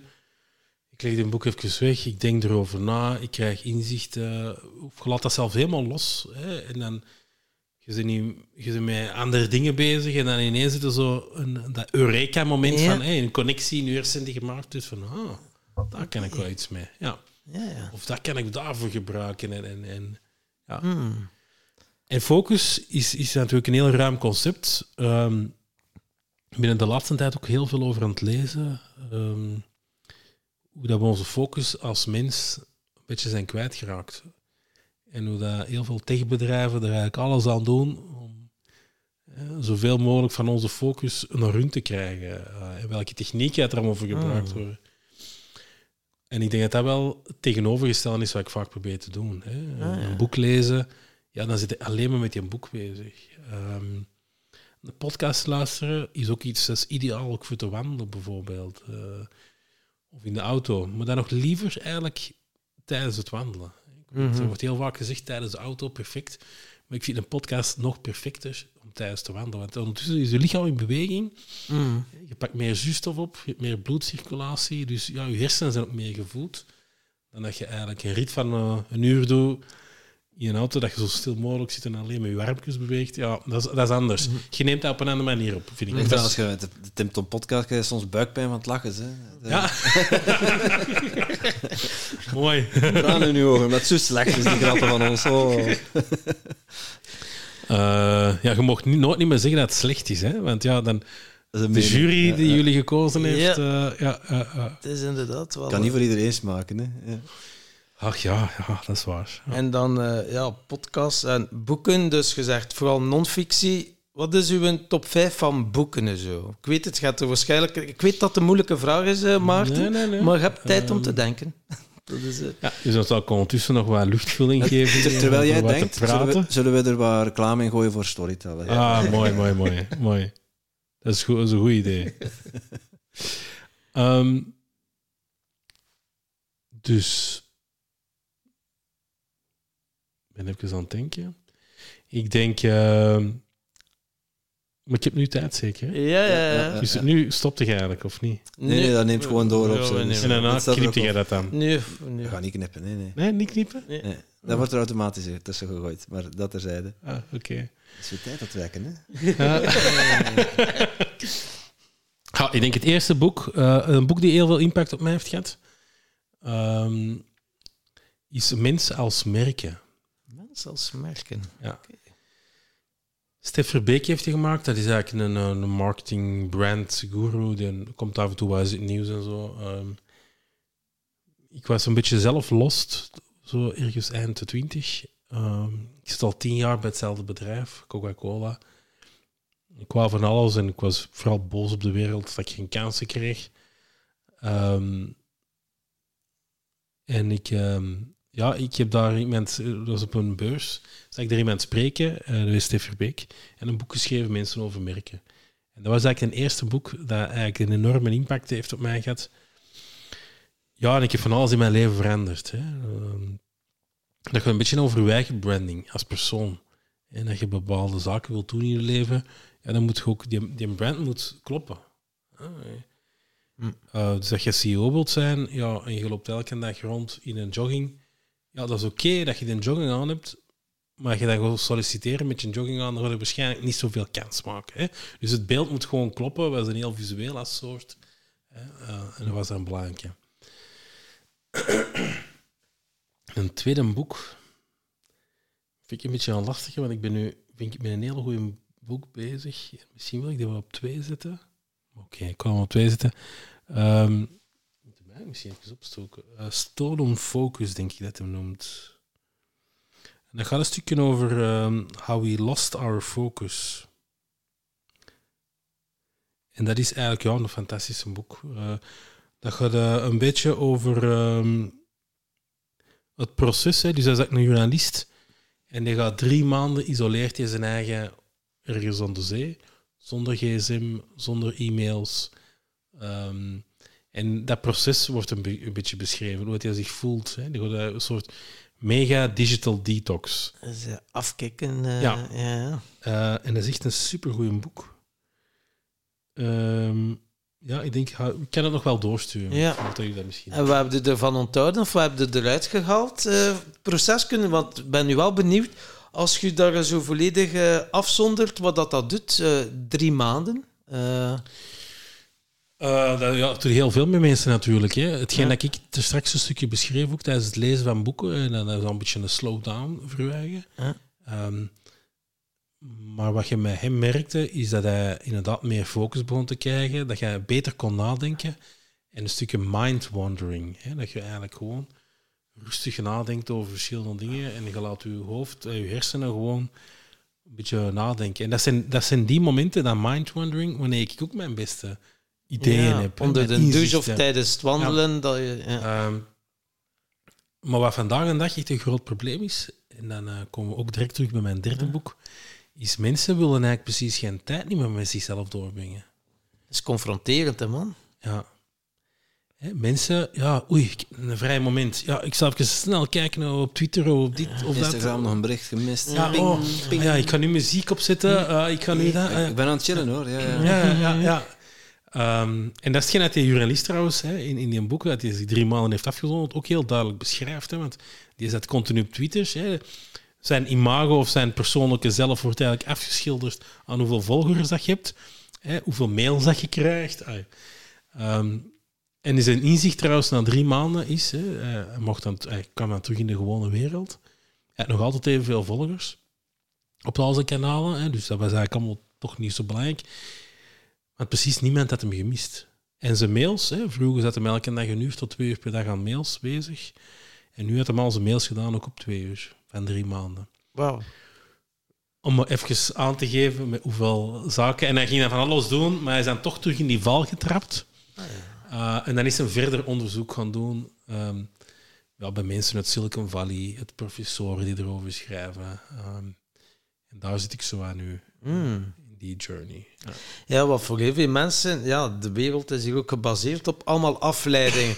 om gewoon maar niet naar binnen te keren. En eh, ja, dat, dat, is fucking spannend. Hè? Ga voelen, oei, ik voel onrust in mij. En naar dat gevoel gaan en dat ook toelaten en verwelkomen. Ik ik denk dat een van de grootste problemen we vandaag hebben. Hm. Ehm, je, en dat is een oud probleem ook al. Ehm, want voordat we misschien in heel de discussie gaan eh, rond social media en alles, ehm, en de invloed van technologie op ons. Het derde boek is eh, Seneca. En eh, de Letters from a Stoïci- Stoic. Stoïcijn. Seneca. Ja. Ja. Ja, ik ben er een gigantische fan van. Ehm, en het grappige aan, het, aan heel dat punt is, in een van zijn brieven schrijft hij ook dat mensen heel de tijd afleiding zoeken en precies angst hebben om met zichzelf eens een keer een gesprek te hebben. Dus dat, is, dat, dat zijn dan zaken die al 2000 jaar oud zijn. Dus die, dat is iets dat ons wel typeert als soort, dat wij eigenlijk heel de tijd die afleiding zoeken. Hè. Ehm, dus ja. En elke generatie of elke zoveel honderd jaar is er wel iets dat ons extra afleiding geeft. En daar moeten we wel mee leren omgaan. Ja. Het is de vraag natuurlijk, gaan we ooit kunnen leren omgaan met de hoeveelheid aan technologie eh, die we nu hebben? Dat is een belangrijke Het vraag. gaat alleen nog maar ver, vermeerderen. Ja, en, en, en daar moeten we ons wel, De interference met ons leven natuurlijk. Hè? Ja. ons wel van bewust moeten worden. Ehm, en ik vind dat daar veel te weinig aan gedaan wordt. Hè, want ik ben heel veel met technologie bezig. Ik geloof in het goede van technologie. Maar je mag niet naïef zijn. Er zijn ook heel veel mensen die het ook goed vormen met technologie, maar die vooral eigenlijk veel geld willen verdienen eh, ten koste van de mens. Ja. hè. En, En qua gezondheid, 5G. Ik kom net van een lezing van Peter van den Broek. Hij heeft toegezegd, voor de podcast zal binnen enkele weken eh, aan bod komen. Ja, bij elke grote verandering is het niet de satellieten of de radio. Mensen worden ziek en moe. en wat dat er bij 5G allemaal gaat gebeuren, ik weet het nu allemaal niet meer in detail, maar dat ziet er... Ja, ja dat is nu volop Ja, ik- bezig. Ja, dat is iets waar ik niet helemaal in mee ben. Ik ben, ja... ja mee, mee ben, ik, ik heb de, de founders in mijn podcast gehad. De, eh, de, een van de ingenieurs, professoren, die eigenlijk 5G-technologie heeft ontwikkeld. Oké. Ehm, dus je ziet, je moet gewoon naar Cloud City ook eens af en toe luisteren. Ja, ja, Reclameboodschap. Ja, ja, ja. Zeker. Nee, nee, maar dat is wel... ehm, ja, die zijn ook al met 6G-technologie bezig. Ja, ja, het schijnt, hè. Ja. En ik denk, ja, ik weet het niet. Ik, ik ken het topic niet goed genoeg waarom dat er zoveel misverstanden rond bestaan. Um, Ja. Dus ik kan er eigenlijk niet een oordeel over vellen. In, in de podcast die ik heb gehad, we hebben het ook heel hard over 6G-technologie gehad. En wat dat gaat mogelijk maken. En ik denk dat we daar, daar nog veel- nog veel meer rondkomen. Want 6G-technologie, dat wil zeggen dat je... Dat is real-time communicatie. En hij zegt, vanaf dat je dat hebt, kun je eigenlijk ook met nanobots gaan werken in je lichaam, die eigenlijk in real time, de hele tijd met een modem dat in je huis hangt, communiceren over hoe dat gaat, eh, hoe dat je vetabsorptie is, je suikergehalte, je bloedwaarde. Zijn, dat, dat, ja. Ja, Dus je is- kunt het op een positieve manier inzetten, maar, ja, maar, er maar, schuilt wel een donker, donker randje aan. ja, maar zo ik geloof in, in hey, met technologie kun je heel veel positieve dingen doen. En ik ben wel een, misschien naïef, maar ik, ik geloof wel dat dat de richting is dat we eigenlijk zouden moeten uitgaan. Ah ja, interessant. Ja, maar ondertussen moeten we ook, hè, want ja, wat brengt de social media ons eigenlijk bij? Ja, Het is ook weer... het is een veel groter vergif, denk ik, dan bijvoorbeeld dan misschien wat er zou kunnen zijn met 5G of met vaccins of met, met alle andere dingen. Ja, ja, ja, ja, ja. Want als je de Social Dilemma hebt gezien op Netflix, dan eh denkt je, wow. En dat was ook niet de bedoeling van die ontwikkelaars. In eerste in- instantie was het wel te- ja, voor de mensen om te kunnen verbinden en te connecten. Maar als je nu ziet... Ja, dat was eigenlijk bedoeld. Dat kan vanuit de universiteit, eh, vanuit, vanuit het leger, maar voor, voor de connectie, Ja, eh, vanuit de wetenschap, te- voor dingen bij te leren. Voor, maar het is iets helemaal anders geworden. En ik denk dat dat niet onlogisch is, hè, want uiteindelijk zijn wij een sociale soort. Wij leefden vroeger ook in groepen van eh 100, 150 mensen. Dus wij, wij, zijn, wij volgen onze natuur. Hè, dus wij creëren dat ook eigenlijk op het internet. Hè. Maar wat ik een beetje mij zorgen over maak, binnen tien jaar ja, te zien dat wij eigenlijk al voor een deel in een soort metaverse gaan leven. Hm. En tien jaar is niet zoveel, dat gaan we heel snel zijn. Heel Ja. veel grote bedrijven steken daar heel veel geld in. Maar als wij niet dat bewustzijn creëren over technologieën en hoe we moeten omgaan, hè, ik heb de indruk dat jullie er wel ehm, bewust van zijn. En je zit toch met 5G en je denkt Ja. erover na. En of dat nu waar is of niet, ik vind dat zelf nog niet zo belangrijk.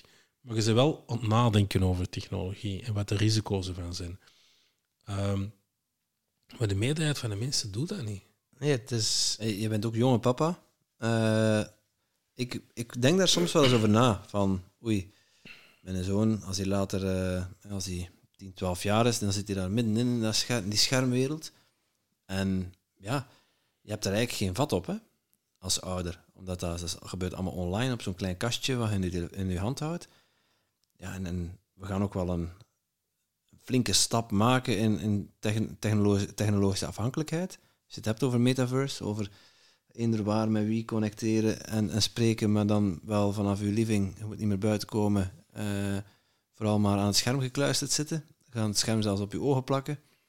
Met een Oculus. Ja, ik vermoed dat je binnen 10, 15 jaar is dat, zijn dat gewoon lenzen die je eigenlijk eh, Ja, insteekt. hè. dat, dat, dat is, je geen bril niet meer moet aandoen. daar gaat het naartoe. Eh, En, en dan, ja, mijn zoon is nu nog maar net, nog maar net geboren. Maar ik denk daar wel over na, van oei, hoe, gaan we, hoe, gaat dat, hoe gaat dat vorm krijgen? En je moet als ouder bijna wel mee op die boot om je bewust te zijn van wat het is. En, en dat bewustzijn ook naar je, naar je kinderen toe te kunnen leren. Hoe, hoe, zie jij dat voor je? Ja, ehm, dat is niet makkelijk. Hè. Ik heb eh, twee kinderen plus eh, 18. Ik heb een, een dochter van 9 en ehm, een zoon nu van 6 maanden. Ja, ik word mij er ook meer en meer bewust van. Hè. Ehm, mijn zoon heeft daar zelf nooit niet echt veel behoefte aan gehad, mijn oudste zoon. Die van zes maanden zeker niet. Eh, maar eh, ja, ik merkte mijn oudste dochter wel. Instagram, Instagram. En eh, ja, alle aspecten ervan kennen. Hè. Is een, toch een negatief zelfbeeld dat je ervan krijgt en, en al die zaken die meespelen. Dus ik, ja, ik heb dat enorm moeilijk gevonden om, om kinderen daarin te begeleiden. Eh, dus dat is soms machteloos, want als heel de groep het allemaal wel doet, dan kun je niet zeggen, ja, jij mocht dat niet doen. Hè. Dat werkt niet. Want wat gebeurt er met dingen dat je pubers... Kleine kinderen kunnen dingen zeggen dat, je dat ze het niet mogen doen. Hè. Maar je tegen pubers zegt, je mag het niet doen. Ja, Wat gebeurt er dan? dat... eh, Goh, wat zou er dan gebeuren? Ja, wat zou er dan gebeuren? Dan is dat exact hetgeen dat we gaan doen. Eh, Hij mocht niet in de bos gaan spelen zonder gsm, hè? Ja. ja. Eh, ja. Dus ik vind dat een hele moeilijke. Ehm wat ik nu wel heb voorgenomen, ehm, is dat, ze, ja, dat mijn zoon bijvoorbeeld, hè, met de jongste, hè, dat hij zeker tot zijn, ja, tot zijn 10, 11 jaar geen, eh, geen toestellen mag gebruiken waar er algoritmes op staan. Eh, nee, gewoon, eigenlijk gewoon geen algoritmes. Want uiteindelijk alles wat social media is, ehm, wat YouTube is, TikTok en al die andere dingen, dat is eigenlijk bestuurd door algoritmes. En die algoritmes hebben eigenlijk één doel. En dat is om u zo lang mogelijk op dat platform te houden. En hoe doe je dat? Ja, dat doet op verschillende manieren. En die leren u eh, een beetje kennen, dat is één. Maar ten tweede, mensen hebben ook allemaal een soort negative bias. Hè? Dus eigenlijk alles wat negatief is over de wereld, of wat chockerend is, ja, dat een algoritme bevooroordeelt dat. Want dat, hè, statistisch leert, ja. leert dat. Nee, niet per se clickbait. Het- de algoritmes van Facebook bijvoorbeeld. Hè, als jij bepaalde dingen in je filmpje zet of bij je tekst zegt rond oh, dat is slecht, bad, war, eh, allemaal eh, een heel hoop negatieve synoniemen, dan gaat het algoritme en je makkelijk, dat staat ook in een boek trouwens, dan is het 20% meer distributie van uw content. Dus zo komen presidenten aan de macht. Hè. Als je nou naar Brazilië kijkt, in Bolsonaro, in de laatste weken, voor, hè, dat de mensen moesten gaan stemmen, ze maar liet hij filmpjes maken op, eh, op Facebook over dat baby's van een, eh, een penispapfles aan het drinken waren. En dat eigenlijk zijn tegenkandidaat er wou voor zorgen dat alle eh, baby's homo's gingen worden of zoiets. Oh my god. Dat, is, dat, is, dat was een van de meest virale filmpjes ooit hè, in Brazilië. En hoe komt dat? Ja, in Brazilië is, is, is Facebook een belangrijk nieuwsmedium, waar de mensen hun nieuws, hè, veel armoede. Dus Facebook is dan een makkelijke manier om nieuws te vergaren. Dus al die mensen die ook in die sloppenwijken wonen, hè, terwijl die niet altijd aan het zeggen is, oh, eh, de armen, dat is eigenlijk minder dan minder, je mag die neerschieten als je wilt, want de pol- politie heeft erbij een license to kill. Hè. Dus dat is geweten, maar toch hebben die mensen allemaal op die president gestapt. Die heeft er niet voor gelogen, hè. die heeft dat gezegd dat hij dat gedaan heeft. Hè. Maar die hebben zoveel filmpjes gezien over dat die andere kandidaat die eigenlijk wel voor hun is eh, homo's gemaakt met hun kinderen. ja. Ja. is het minst slechte scenario. Hè. Ja, dus ik wil maar zeggen hoe, hoe manipulatief dat, dat is. Hè. Toen hij won, wa- was, was het publiek Facebook, Facebook, Facebook aan het roepen. Oh, wauw. Dus dat is de negatieve kant van, van technologie. Ja. Eh, ja. Ja, en dan denkt je zo back to basic. Gewoon in de bos, in de natuur, verbinden met elkaar, elkaar nog een keer knuffelen, vastpakken, zonder dat je via FaceTime of zo. Dat beginnen we toch wel meer en meer te missen. Mensen beginnen toch geïsoleerd te raken. Ja, ja, ja. Als ik dus naar ceremonies ga, en ja, ik ga dat wel naar andere, is er een heel een andere energie. Zo van, ja, dat is ja, bij elkaar komen, weer een soort thuiskomen en zo. Maar ja, het is wel, zonder technologie is het ook weer niet, want anders kunnen mensen niet luisteren Nee, naar onze podcast. Dus, maar, eh, nee, nee, ik zeg niet dat het allemaal slecht is. Ja. Ik bedoel, ik, ik geef technologieadvies aan bedrijven. Ja. Dat is niet, ik zou niet iets kunnen adviseren waar ik niet in geloof. of Ja. niet Ik zou toch met, hand, met pen en papier schrijven, jongens. Ja. Nee, nee, maar ik dat is niet de richting om moeten uitgaan. Hè. Ik Nee. geloof echt wel in een wereld waar, dat, ehm, waar technologie een ongelooflijk belangrijk deel van ons is. mhm. Ehm, maar nu zitten er commerciële belangen achter. hè. Ik heb de juiste algoritme gezegd. ja. We moeten ons kinderen er eigenlijk wel een stuk van beschermen. Op gelijk welke manier. En dat is het belangrijkste dat ik wel voor mijn de kleine ja, eh, wel een stuk gaan meenemen. Want wij als volwassenen kunnen ons eigenlijk al bijna niet verweren te- tegen, tegen honderden of duizenden ingenieurs die algoritmes zitten te maken. ja, Hoe kan dat beïnvloed. Hè? Ja. Dus dat is mijn belangrijkste. Ja. Ja, het blijft een dilemma. Ja. Maar qua gsm en zo, dat kan. Hè. Een toestel, dat zou... Dat, dat Ja, kan. ja, ja, ja, ja. Je moet daar gewoon een stukje over nadenken. En er zijn oplossingen voor. En hoe kun je het, hoe kun je het gebruiken? Ja. En er zijn oplossingen voor. Hè. Je hebt ook browsers die neutraal zijn. Hè. Je hebt ook dingen. Hè. Ik doe het zelf. Ik gebruik Google. Hè. En Google is ook niet... niet- Nee, nee, nee, klopt. Maar ehm, ik ben ermee oké. Maar ik vind voor kinderen, kinderen moeten we toch een beetje... Je kiest ervoor om een deel van je privacy te grabbel te gooien. Je bent ook bewust van wat er van jou op straat ligt. Ja. En kinderen zijn dat minder. Ja, die zijn dat niet, eigenlijk. Ja. Of niet, eigenlijk. ja. Ik vind dat lastig, hè, want met dochters van negen... Ja, iedereen heeft een gsm ook, hè. Iedereen maakt TikTok-video's. Hm. Iedereen maakt dit, dat. Het is gewoon ongelooflijk moeilijk. Ja, het is zodanig geïntegreerd. Hè. Ja, tuurlijk heb je altijd een bepaald percentage die dat gaat misbruiken. Eh, En ik ben de laatste om te zeggen dat technologie... Dat we dat moeten vermijden en dit en dat. Hm. Ik ben echt een believer. Hè. ja, Ehm, zelfs in 6G-technologie, eh, in, in al die dingen, metaverse. Ik ben echt een believer dat dat ons als mens beter kan maken. Maar we moeten wel zien dat we er bewust van blijven wat het eigenlijk Mhm. is. En dat we ons niet laten leiden door andere mensen. Ehm, want anders op een duur, als iedereen in een metaverse zit, dan zijn er nog een paar eh, CEO's en aandeelhouders die eigenlijk iedereen beheersen. En dan kun je zo het Ready Player One scenario. eh, ja. En Ja. dan om nu begint je af te vragen van... Ben ik nu aan het denken of is 6G dat denkt voor mij? Ja, dat is Ja. dan een existentiële vraag. Ja. ja, maar dan... Misschien bestaat de techniek wel al. Ja, Eh, 6G zou er trouwens ongeveer binnen 10 jaar zijn. binnen tien jaar. Dus je nog even na- tijd om zelf na te denken, Tom. Ja. Ja, ja, ja. Misschien zitten we dan al in een nieuwe wereld. Ja. dat kan allemaal. ja het gaat sneller en sneller natuurlijk. Hè. Ja. Eh, We, kwamen hierop, eh, om- je was bezig met je boeken top 5. Volgens mij Ja. had je er twee gehad, drie. Nee, nee, drie. Drie. Ik heb er drie gehad. Twee te gaan. Eh, twee te gaan, inderdaad. Oh. Eh, twee te gaan. Ja, dan heb ik eigenlijk genoeg tijd gehad om na te denken. Hè. Ja. De moeilijke vraag. Hoeft niet. Oh, ik heb dan zoveel boeken in die kast staan. Hoe kan dat nu? Eh, Kill Your Darlings. Ja, dat is, dat is, dat is- ik weet niet of dat nu echt mijn top 5 is, maar het is wel een boek waar ik Ja. veel mee bezig ben geweest. Ja, ik ben ook terug papa geworden recent. Ehm, ik was nu zo mee, mee op, eh, heel veel boeken bezig rond opvoeding en zo, rond Montessori en zo, die technieken die erachter zitten. Dus daar ben ik heel veel mee bezig geweest, maar rond Montessori. Telt het dan als een boek? Ja, ja, ja. Oké. ja. Dus opvoedingstechnieken, denk ik dat dat Kijk belangrijk even is. naar de, ju- naar de jury. Ja, Telt dat als een boek? Ja. Oei, drie eh, voor, twee tegen. Ja, oké. Ik zie, ik zie een meerderheid. Ja.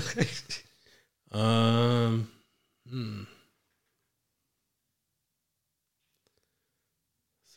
Hè.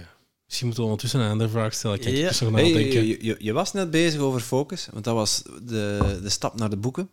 Eh, maar je hebt ons nog niet duidelijk gemaakt van wat doe jij om, om die focus te behouden. Hè, want je zei net van er zijn verschillende typen mensen. Eh enerzijds mensen die zich misschien beter focussen op één ding en al de rest laten vallen. Jij bent met heel veel tegelijk bezig. Hoe houd jij je focus? De enerzijds door genoeg me-time, door boeken te lezen, maar dat is niet focussen. Heb je misschien wel nodig om het op te bouwen. Je hebt dat nodig om dat op te bouwen. Eh, dus je moet op een bepaald eh, energieniveau eigenlijk terechtkomen.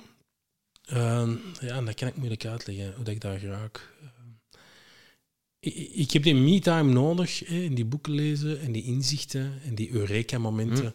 Eigenlijk, eh, ik weet niet wat dat logisch klinkt, om op een bepaald energieniveau te geraken. Mhm. En dat je dan dat stukje kunt vasthouden, dat klinkt nu heel wollig, eh, Mhm. dat heb ik eigenlijk nodig. Op dat energieniveau niveau moet ik zitten. En dan kunnen mij eigenlijk naar mij gooien wat je wilt. Want voor mij, als mensen met mij spreken, die zeggen, ah, je doet veel dingen, verschillende dingen. Ja, ik heb inderdaad eh, de Cloud City als podcast, 52 topics nu als content. hè. We, ah, is, als, ook als podcast voor podcast. Ehm, ik doe de Belgian Podcast Award. Ik ben dan eh, met Connection bezig. Eh, binnenkort zijn we nog met die horecazaak bezig. Dus buiten die horecazaak misschien. Daar zie ik ook een link. Ik ben Ja. ook nog papa. Ehm, voor mij is dat allemaal één geheel. Dus ik beschouw dat niet per se als dat zijn allemaal verschillende dingen, want dat vloeit allemaal wel. Oké. Dat vloeit allemaal op een of andere manier, linkt dat aan elkaar. En ben je dan wel zo iemand die het heel duidelijk in zijn agenda plant? Van dat uur tot dat uur hou ik mij met dat bezig, van dat uur tot dat uur dat? nee, want ik ben overdag ben ik meestal met connection eh, dingen bezig. Ja. Ja, dat, de, ja, interessant wel, inderdaad. Want eh, ja, ik merk... Stond, dat onderzoeken is waard bij jezelf. ja, voor mij vormt dat één geheel. Eh, wat er wel een probleem is, en, ehm, is vanaf dat ik nieuwe dingen begin te doen. Dus nu heb ik mijn balans gevonden, hè, want dat gaat over balans vinden. Hm. En vanaf dat er iets nieuws bij komt, ik zeg maar een kindje wordt geboren, dan ben ik die balans kwijt. En dan kan ik nog moeilijk... Allee, hij. Ja, maar dan, dan, dat duurt dat echt weer... Dan, dan, dan zo?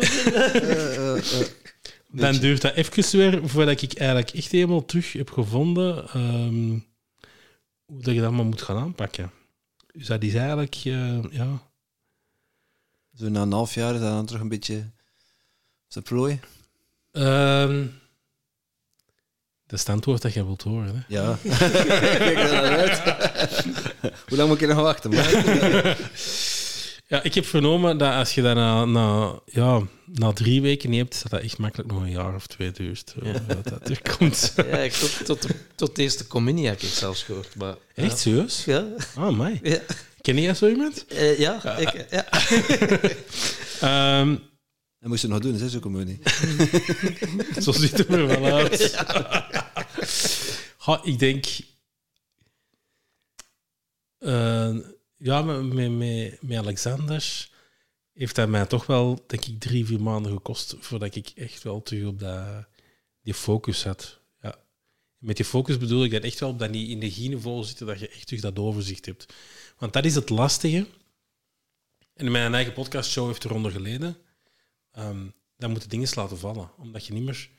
Dat vormt geen geheel niet meer. Dat, dat valt ineens een stukje uit elkaar. En dan moeten eigenlijk de elementaire dingen doen. Ja, en dat is dan altijd op de eerste plaats komt eigenlijk je gezien, eh, amai, ge- gezien, gezien. Ehm, misschien, misschien een beetje een dooddoener, maar uiteindelijk is dat wel Je gezin komt op de eerste plaats en op welke plaats kom jij? Oh, ergens op zes of zeven. Of, zo. Is dat? Ja, en dat is het probleem. Ik ben mij ervan bewust. Hè. Dat is het probleem waarom ik sporten altijd zo makkelijk opoffer. Oké. Mm. For the greater good. Ja, dat is niet altijd goed, hè, want uiteindelijk leidt dat toch... eh, ik ben ondertussen, eh, de mensen zien het niet, ondertussen een boek aan het zoeken, ik kan zeggen. Ehm, We zijn erbij die aan het turven, hè. Dat is gevraagd, dus dat moet dan nog aan bod komen. Ja, ja. maar ehm, nu heb ik wel terug mijn focus een stukje gevonden. Ja. Oké. Ehm, maar er zijn ja, inderdaad momenten En dat heel lastig is. Ja. is dat al gans uw leven of zo, dat je daar moeite mee hebt om jezelf op de eerste plaats te zetten? Eh, voelt dat dan... Eh, Ja, ik herken dat zelf. Eh, ik ben dan zo wel een hele harde pleaser geweest. Gewoon uit angst om verbinding met, met anderen te verliezen. Maar daardoor verloor, ver- verloor ik de verbinding met mezelf. En door dan nu ja, mezelf wel op de eerste plaats te zetten, en dan kan ik ook veel duidelijker mijn grenzen aangeven, zonder mij er ook schuldig over te voelen. Ik voel nu ook wel, doordat ik verbonden ben met mezelf, wat dat juist en kloppend is voor mij. En kan ik het ook makkelijk zeggen, nee. En als mensen zeggen, oeh nee, ik zeg N-E-E. En eh, zo simpel is het dan ook weer. Maar dat heeft heel lang geduurd bij mij. Vooraleer dat ik dat gevoel kon ervaren. Want mensen zeggen, ja, ja, je moet grenzen stellen, je moet grenzen stellen. Maar ik merkte, als je geen verbinding hebt met jezelf, weet je niet waar dan je grenzen liggen. En als ik je mag vragen, heb je dat dan nu altijd? Of Voor, een- voor, zoeken? voor een heel groot deel, omdat ik voor een groot deel nu ook in presence ben. Gewoon in het moment ben, omdat ik kan gaan voelen en vertrouwen op mijn, op mijn, op mijn gevoel. Zo van, is dat juist of kloppend voor mij? En ook mijn mind gaat er dan iets van, maar allee jong, dat kan toch niet, omdat dat dan een patroon is. Maar nu ga ik echt mijn buikgevoel radicaal gaan volgen. En mensen verschieten er wel van. Maar als ik zie wat dat mij allemaal oplevert, ja, er is zoveel verandering. Maar ik zeg niet per se dat het simpel is, maar het is wel makkelijk. En hoe meer dat je het doet, ja, hoe leuker dat ook wordt, omdat je dan nog eh, verwonderd kunt worden en er komen nieuwe dingen, eh, nieuwsgierig. En ja, verandering is altijd spannend. En ik heb mijn woordje bang ook veranderd, veranderd door spannend. Dus ja, spannend is wel avontuurlijker dan dat je zegt, oei, dat is eng of dat is bang. Hè, Of daar ben ik bang van. Ja. Dat was even, ja, hoe dat ik het nu de laatste maanden ervaar. En dat is wel een groot deel door presence, omdat, je, omdat ik nu in minder dan een minuut mezelf in een staat kan brengen om in, zo goed als gedachteloos te zijn. En dat geeft wel vertrouwen om dan vanuit dat gevoel dingen, keuzes te gaan maken. En eh, ja, want die mind heeft mij ook heel goed geholpen. Ja, tuurlijk heb je nog functionele gedachten. Er gaan nog altijd zijn, ik moet naar het toilet, want anders zou het maar een natte bedoeling worden natuurlijk. maar zo simpel is dat ook Niet alleen nat. Maar eh, ja, voor mij is dat wel eh, een hele nieuwe wereld open gaan. Wat hoort wel mensen? Je moet van je hoofd naar je hart gaan en gaan voelen. Maar voor iemand die in zijn hoofd zit, ja, hoe doe je dat, hè? ja, hoe doe jij dat, eh Maarten? Maar ik weet het, het is een moeilijke vraag. ik weet het. Ehm, ja, ik geloof heel hard ook gewoon in een stukje in mediteren. Mhm. Eh, daar ben ik wel een heel aan believer in. Ik denk mediteren en een stukje in die, ehm, ja, die energieniveaus die kunnen vastgrijpen. En Mhm. ik kan helemaal niet uitleggen hoe ik dat doe. Ik heb vroeger de Celestijnse belofte gelezen Mhm. en alles wat daar zo rondhangt, en daar hangt Ja, alles nog wat rond. Ja. Ehm, maar ja, dat is heel, eh, misschien heel spiritueel, maar ja, Dat mag in onze podcast. ja, ja ik weet, dacht het al. Ehm, ja.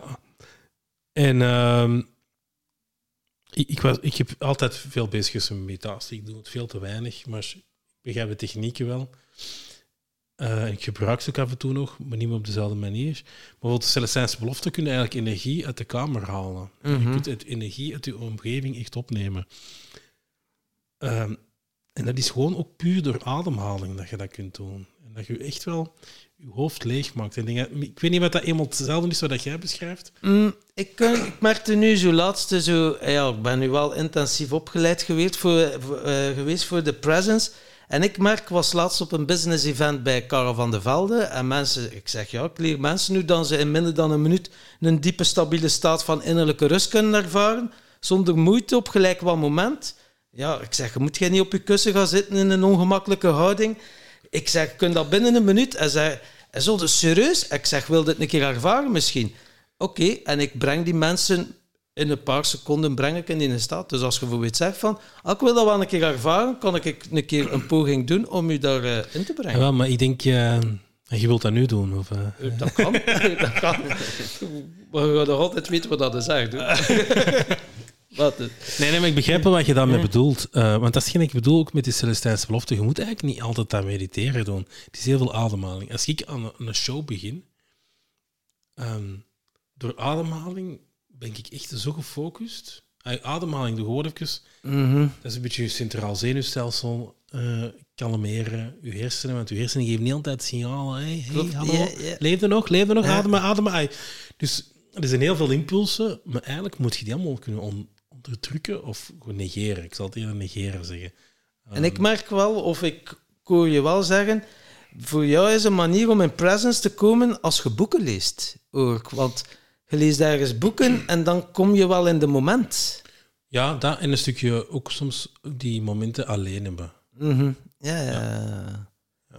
Ja, dus boeiend. Hè? Uiteindelijk wel. Veel mensen zoeken ernaar. Hè? Voor, eh, veel mensen lopen gejaagd en eh, ja, gestresseerd. eh, weten het niet goed en het gaat allemaal rap. Maar dat moment voor jezelf gaan creëren, die rust in jezelf gaan vinden, is toch wel een dingetje. Ja. Ja, ik, ik- ik, eh, ja, voor mij is dat een beetje uw rugrechten, uw, ademhaling en eigenlijk ja, gewoon die rust vinden, de, uw omgeving voelen een stukje. Ja, ja, en die ja, ademhaling, ik doe dat nu al als ochtendritueel met een Wim Hof ademhaling. Heb jij een ochtendroutine? Als je zo opstaat van een bepaald patroon dat je doet om fris voor de dag te verschijnen? Ik zou eh, van alles en nog wat willen zeggen, diepzinnig. en dat ik elke ochtend in een ijsbad spring en dan... eh, nee, ik heb geen ochtendritueel. Nee. Mijn excuses. flessen geven. Ehm, nee, want het is nog borstvoeding. Dus, eh, Ah, nee, oké. nee, nee. Oh, nee, ik ben ook niet echt een ochtendmens. Ay, Mm. Ik word wel heel makkelijk wakker, dus dat is niet het probleem. Misschien zelf te makkelijk. Ehm, maar het duurt bij mij even wel een paar uur voordat ik eh, Ja, ja, ja. ja, ja, ja, ja. de Dus processing power er helemaal is. Dan ben je het productiefst in de namiddag of s'avonds uiteindelijk. S'avonds, S'avonds. Ja, ja, oké. eh, Wauw. Ja, ja, ja. Ja, en, en dat aanvoelen bij jezelf kan ook al veel doen in, in de output die je geeft natuurlijk. Want eh, jij weet dat je 's morgens niet het eh, grote denkwerk moet doen. Ja, klopt. Moet er rekening mee houden. Ja, Ja. Rekening mee houden. het is ook wel, ik denk heel veel mensen daarmee worstelen van hoe, ja, hoe onderzoek je dat bij jezelf en hoe, hoe ga je daarmee aan de slag? En wat, wat betekent dat dan voor je qua productiviteit? Dat je dat van nature al hebt, dat is, eh, dat is heel mooi, ja. Ja, je kunt dat wel een beetje boosten natuurlijk. Hè. Als je geen ochtendpersoon bent, door 's morgens te gaan sporten. Hm. Eh, Want ik, eh, crossfit, ik heb het eh, een heel lange tijd gedaan. Eh, je zal dat nu niet zien, maar ik heb het echt gedaan. Ehm, en ehm, ja, als je dat 's morgens doet, Ja, dan eh, kan ik me wel iets bij voorstellen. dan moet het vooruit gaan. Hè? Kom ja. Ja, eh. ja, dat is echt wel... eh, en komt dan het competitief in u naar boven of is het puur voor uw gezondheid? Ik ben niet zo heel competitief eigenlijk. waarom dat ik dat toen bedoelde dan? Of? Ja, ja, ja, wat de Nedwin Soleil vertelde, is ook zo'n crossfitter en in het begin zegt hij, ja, het is voor fit en gezond te blijven. Maar ja, dan kom je zo, wilt hij meten met anderen en begint het echt wel Ah, heel nee, competitief nee. te worden. Dus, Nee, nee, eh, nee, nee, En ik, zo eh, er gaan bij verliezen. Goh, en zo er drie uur of vier uur per dag. Als ik dat, als ik dat zou doen, dan eh, zou ik denk ik elke dag ongelukkig zijn. Oké. eh, want in die end, ja, in elke crossfit zijn er van die gasten die, ja, we kennen ze allemaal. Hè. Die, Ja. kunnen, die zijn afgetraind, Ja. ziet. Die eh, ja. zijn machines precies. Ja, als, als ik me daarmee moet gaan meten, dan, Mm, dan zit ik mm. elke dag ongelukkig. Ik zou niet weten waarom ik dat doe. Dus voor mijn eigen is dat echt wel voor mezelf. Hè. Dat is Ja, ja, moment dat ik zeg van... Ah, je ziet nu zelf nu eens aan het investeren. eh, Ja. eh, ja. Ah. En ik weet nog hoe... Ja, ik herinner me dat gevoel nog ook, hoe dat ik... ik ging, eh, denk een jaar of twee geleden, drie keer per week lopen, drie keer per week crossfitten. Ja, ik voelde mij toen... Ik had heel veel energie toen ook en ideeën. Ja. Alles ging een beetje beter. Ik zeg Ja. nu, nu het slecht gaat, Ja. maar ja, het ging gewoon makkelijker. Ja, en het is dan grappig als je dat wat lager in je energie zit, ga je alle dingen beginnen skippen die je eigenlijk helpen. Ja, ja, ja, maar het zit hier ook zo in. Hè. Dat Ja. is zo fout. Als ik er zo terugkijk, op, alleen. ja, als ik zo terugkijk zo op mijn leven, dan denk ik, oh my god, je weet, die dingen helpen nu. En die gaat het dan skippen en vervangen door minder eh, gezonde dingen dan. Ja. Ik heb ondertussen denk ik meer dan 10 minuten gehad om over mijn vijfde boek Ja. Wel ja, ik zat ja. nog te vragen van waar blijft die vijf minuten? Eh, ja, ik, ik ben ook heel veel met start-ups bezig, met softwarebedrijven die opstarten en zo. En eigenlijk, ik was achter een titel aan het zoeken, maar de Lean Startup. Hè? Eh, dat vind ik eigenlijk eh, een hele goeie. De Lean Startup. Maar De lean lean, startup. ik hoor dat veel zeggen voor onze luisteraars die niet weten wat dat lean is, waaronder ik. Ik weet het ook niet precies. Ik, eh, ja, ik zou er anders naar slaan. Eh, kan je dan een keer kort uitleggen? Ja, een beetje ook de- dat procesmatige dat ik er straks ook heb uitgelegd eigenlijk. Hè? Want je Mm. kunt dat vertalen in alles. Je processen zo strak mogelijk krijgen. eh zorg inderdaad dat, ehm, dat je de essentiële dingen doet. Ehm, ik, zal het voorbeeld van de was nog eens een keer nemen. Ehm, zoals die processen rond het inschrijvingsdocument en zo. Je moet eigenlijk gaan nadenken hoe ga je nu alles inregelen eigenlijk. Het is zo snel en automatisch loopt. Start je een horecazaak. Ik, ik een vriend van mij die koopt en verkoopt horecazaken. En wat doet hij? Die gaat eigenlijk kijken naar die zaken die te koop staan. Hij heeft er zelf ook een aantal. Ehm, en die gaat kijken, ah oké, dat is niet zoveel, hè? dus justjes ehm, ah, niet verlieslatend of wel verlieslatend. Maar die ziet bijvoorbeeld, ach die keuken, hoe slecht is die ingericht? Ah, voor in die keuken te goed te laten werken, moeten minstens met drie mensen staan. Ach, achter een toog, dat is ook niet goed. Oké, die frigo's staan verkeerd. Hè? En wat hij dan doet, is van, ah, hier kan ik iets mee doen. Die koopt die horecazaken, die verbouwt die keuken, die een toog, zit allemaal anders. En ineens, in plaats van met elke dag met vijf man moeten staan, hè, minimum, wat er nu ene persoon komt eten, of tien man komt eten, of twintig man komt eten, eh, ineens moeten daar misschien nog maar met de helft van het aantal mensen staan. En dan tijd, eh, laat hij dat doordraaien en dan verkoopt hij die. Een mooi voorbeeld. Wauw. Ja. En dat is eigenlijk eigenlijk die bedrijfsprocessen optimaliseren. ja, dat is er eentje van. Hè. Maar bedrijf- voor mij draait het heel hard om, om die principes. Ja. Mm. En eigenlijk is de Lean Startup is echt iemand ai, die met softwarebedrijven bezig is of met, met startups. Um, Dat hoeft niet per se softwarebedrijven zelf te zijn. Je kunt daar heel veel dingen uithalen. Ja. Mm. Mag ik nu nog een zesde zeggen? Ook? Ja, het- Allee, vooruit. Ja. een bonus. Het is eentje dat er bij, dichtbij aanslaat, dus ik vond het een beetje moeilijk. Ehm, De Founders Dilemma. Ehm, ik vermoed dat jullie ook ondernemers binnen jullie community hebben en founders. Ehm, en dat gaat eigenlijk over dat je je eigen altijd moet blijven evalueren, een stukje. Ehm, en vaak zijn founders die een bedrijf hebben opgericht niet de juiste CEO's voor het bedrijf in de toekomst te runnen. En veel mensen doen dat wel, want dat is hun babytje. Ik begrijp dat ook. Maar ja, een bedrijf is eigenlijk een, nee, is een persoon apart natuurlijk. Hè. En als dat bedrijf veel harder kan groeien, dan moet je misschien die stap durven zetten en het uit handen geven. Of, of ah, je kunt nog altijd wel aandeelhouder blijven. Hè. Eh, en dat gaat daar veel over. De problemen die je hebt, of dat zijn takeaways die er eigenlijk in zitten van oké, ik ga een bedrijf starten. Wat is er nu belangrijk om het te laten lukken? Mhm. En heel veel insights daar rond. Hè? En heel veel voorbeelden. Dus ik vond dat een hele goede boek ook. En dat je jezelf positief overbodig maken, zodat je bedrijf kan groeien zelfstandig van jou als persoon. Ja, dat is niet altijd dat scenario. Hè? Want er zijn founders die wel nog goede CEO's zijn naar de toekomst toe. Hè? Maar je merkt toch wel vaak... ehm, een bedrijf gaat door bepaalde fases. En het is niet altijd degene die in het begin de goede was, dat dat op het einde de goede is. En vaak door aan boord te blijven, groeide minder snel. Of mislukt het, of zelfs gewoon. Mhm. En dat is zeker, eh, ook als je bijvoorbeeld kapitaal wil- wilt gaan ophalen en zo, dat zijn allemaal zaken die wel belangrijk zijn. Venture capitalisten kijken er ook naar. Hè. Hoe zit dat founding team in elkaar? Hoe zit dat management team in elkaar? Zijn dat de juiste mensen? Hangen die goed samen? Ehm, ja. Ja, interessant. Ook, eh, dat is een, iets andere type boeken dan we doorgaans eh, horen in onze podcast. Dat is ook wel eens leuk. Ja, Seneca is wel, eh, denk ik, eentje. Ja. ja zeker, ja. absoluut. Die heb je toch al eens gehoord, hoop ik. Ja, ja, absoluut. Ja. Ik ben eh, zelf ook wel fan van stoïcisme. Ja. Dus eh, Marcus Aurelius, Seneca. Dat is eh, interessant leesvoer. Ja, ja. Epicurus. Ehm, ja, ik was nu aan het kijken voor een andere. ehm, dat ging meer over de dood en zo. Van Seneca. Hè? Dus, eh, want die heeft ook heel veel over de dood geschreven. Hè? Hmm. Interessante inzichten daar ook rond. En wat zegt hij eh, over de dood? Ja, ik heb hem nog niet gekocht. eh, maar ja, in, in essentie kan ik wel een Mhm. beetje een samenvatting geven. Ehm, ja, ik heb niet de indruk dat hij daar per se negatief naar kijkt. Want doodgaan is iets dat je elke dag een stukje doet. Ehm, en dat is een proces dat gewoon op een gegeven moment een einde krijgt en dat hoort er gewoon bij. Je kunt daar Mhm. niks aan doen. Dus je moet er eigenlijk ook geen angst van hebben. Ehm, en je mocht ook wel een stukje er eens over nadenken. Hè? Ehm, maar denk, ja, we moeten opletten, want Marcus Aurelius heeft er ook Hm. van alles over geschreven. Maar het komt er eigenlijk in, in, inderdaad gewoon op neer. school, hè. Ja. Dezelfde school. Eh, een aantal zaken die mij even eh, te boven schieten, bijvoorbeeld. Hè.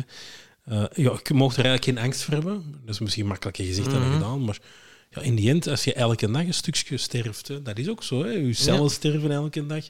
Ehm, ja, waarom zou dat dan wakker liggen? Dat heb ik zelf geleerd, ook uit het boeddhisme, want ik heb ook met boeddhisme heel veel bezig geweest. Mm. Ehm, een ander ding is ook dat, ik weet niet exact hoe het hem het geschreven heeft, maar het komt er eigenlijk op neer. Mensen hebben echt vaak dromen hè, en hebben de indruk dat ze heel veel tijd hebben. Die overschatten eigenlijk de tijd, hoeveel eh, dat ze tijd hebben om, om die droom waar te maken. Mhm. Hè? Dat klopt. Ah ja, en als het hier in dat leven niet lukt, kom er nog een keer terug. Hè. Hoe sta jij er tegenover? eh? heb jij zoiets van, yes, de ziel gaat terug naar de bron en je komt dan weer, eh, zo vorige levens? Of heb je zoiets, ja, zweef nu maar weg met je bezem, het is goed geweest. Sorry. Ja, ik ben een wetenschapper en een wetenschapper gelooft in de wetten van de fysica. Ja. En de wetten van de fysica zeggen dat energie nooit vergaat, maar altijd terugkomt in nieuwe vormen. Kijk eens aan. Ja, mooi. Ehm, Ja. En ik ben ook veel met boeddhisme bezig Ja. geweest, eh, in mijn puberteit zeker. Ja. Eh, Wauw, van je puberteit al. Zo dan toch wel... Ja, dat is wel eh, bijzonder om dan toch... eh, IT en zo, en toch zo op 17 jaar, ik vind het wauw, mooi. nou, denk Ja. ik jonger was, denk ik eh, 14 of zo. Thomas vrij laat met zijn puberteit. dus, Ja. Ah, oké. Maar dan dan niet Ik kwalijk. Ik ben er nog niet uit. Hang in there. Yes, Komt al yes, goed. yes. Yes, ik verjong met de jaren. Ja, het is... En niet van de Ehm, mensen. maar- Dus ja, ik ben wel een... eh, ik geloof daar wel in. Ja, ja, ja. En ja, maar het is nu niet dat ik daar echt heel actief mee bezig ben, maar je moet eigenlijk leven een stukje dat je dat elke dag de laatste kan zijn ook. Hè? Ja. En dat wil niet zeggen dat je elke dag eh, het varken moet uithangen. Ja. Ehm, ja. Maar het is inderdaad wel. Twee keer per Veel week is mensen, genoeg. Hm? Twee keer per week is genoeg. ja. veel mensen denken van ja, het moet altijd geluk en altijd dat zijn, maar het leven is lijden. Hè? Uiteindelijk, je bent kwetsbaar en je gaat dood. En de vraag is niet of dat je gekwetst gaat worden, maar wanneer. En eh, kunt je wel blijven proberen om ongeschonden de finish te, te halen, maar uiteindelijk is het of kun je toestaan om die ongemakkelijke gevoelens en die lastige gevoelens ernaar te kijken als ze voorbij te komen. Hè, dus het stoïcisme heeft daar ook een mooie filosofie achter. Hè. Het amor fati, het omarm je lot. eh, en, en ja, leid erbij neer bij wat je gebeurt. Bij eh, memorie mori? Nee, memoria mori. Ja, mijn Latijns is niet zo goed.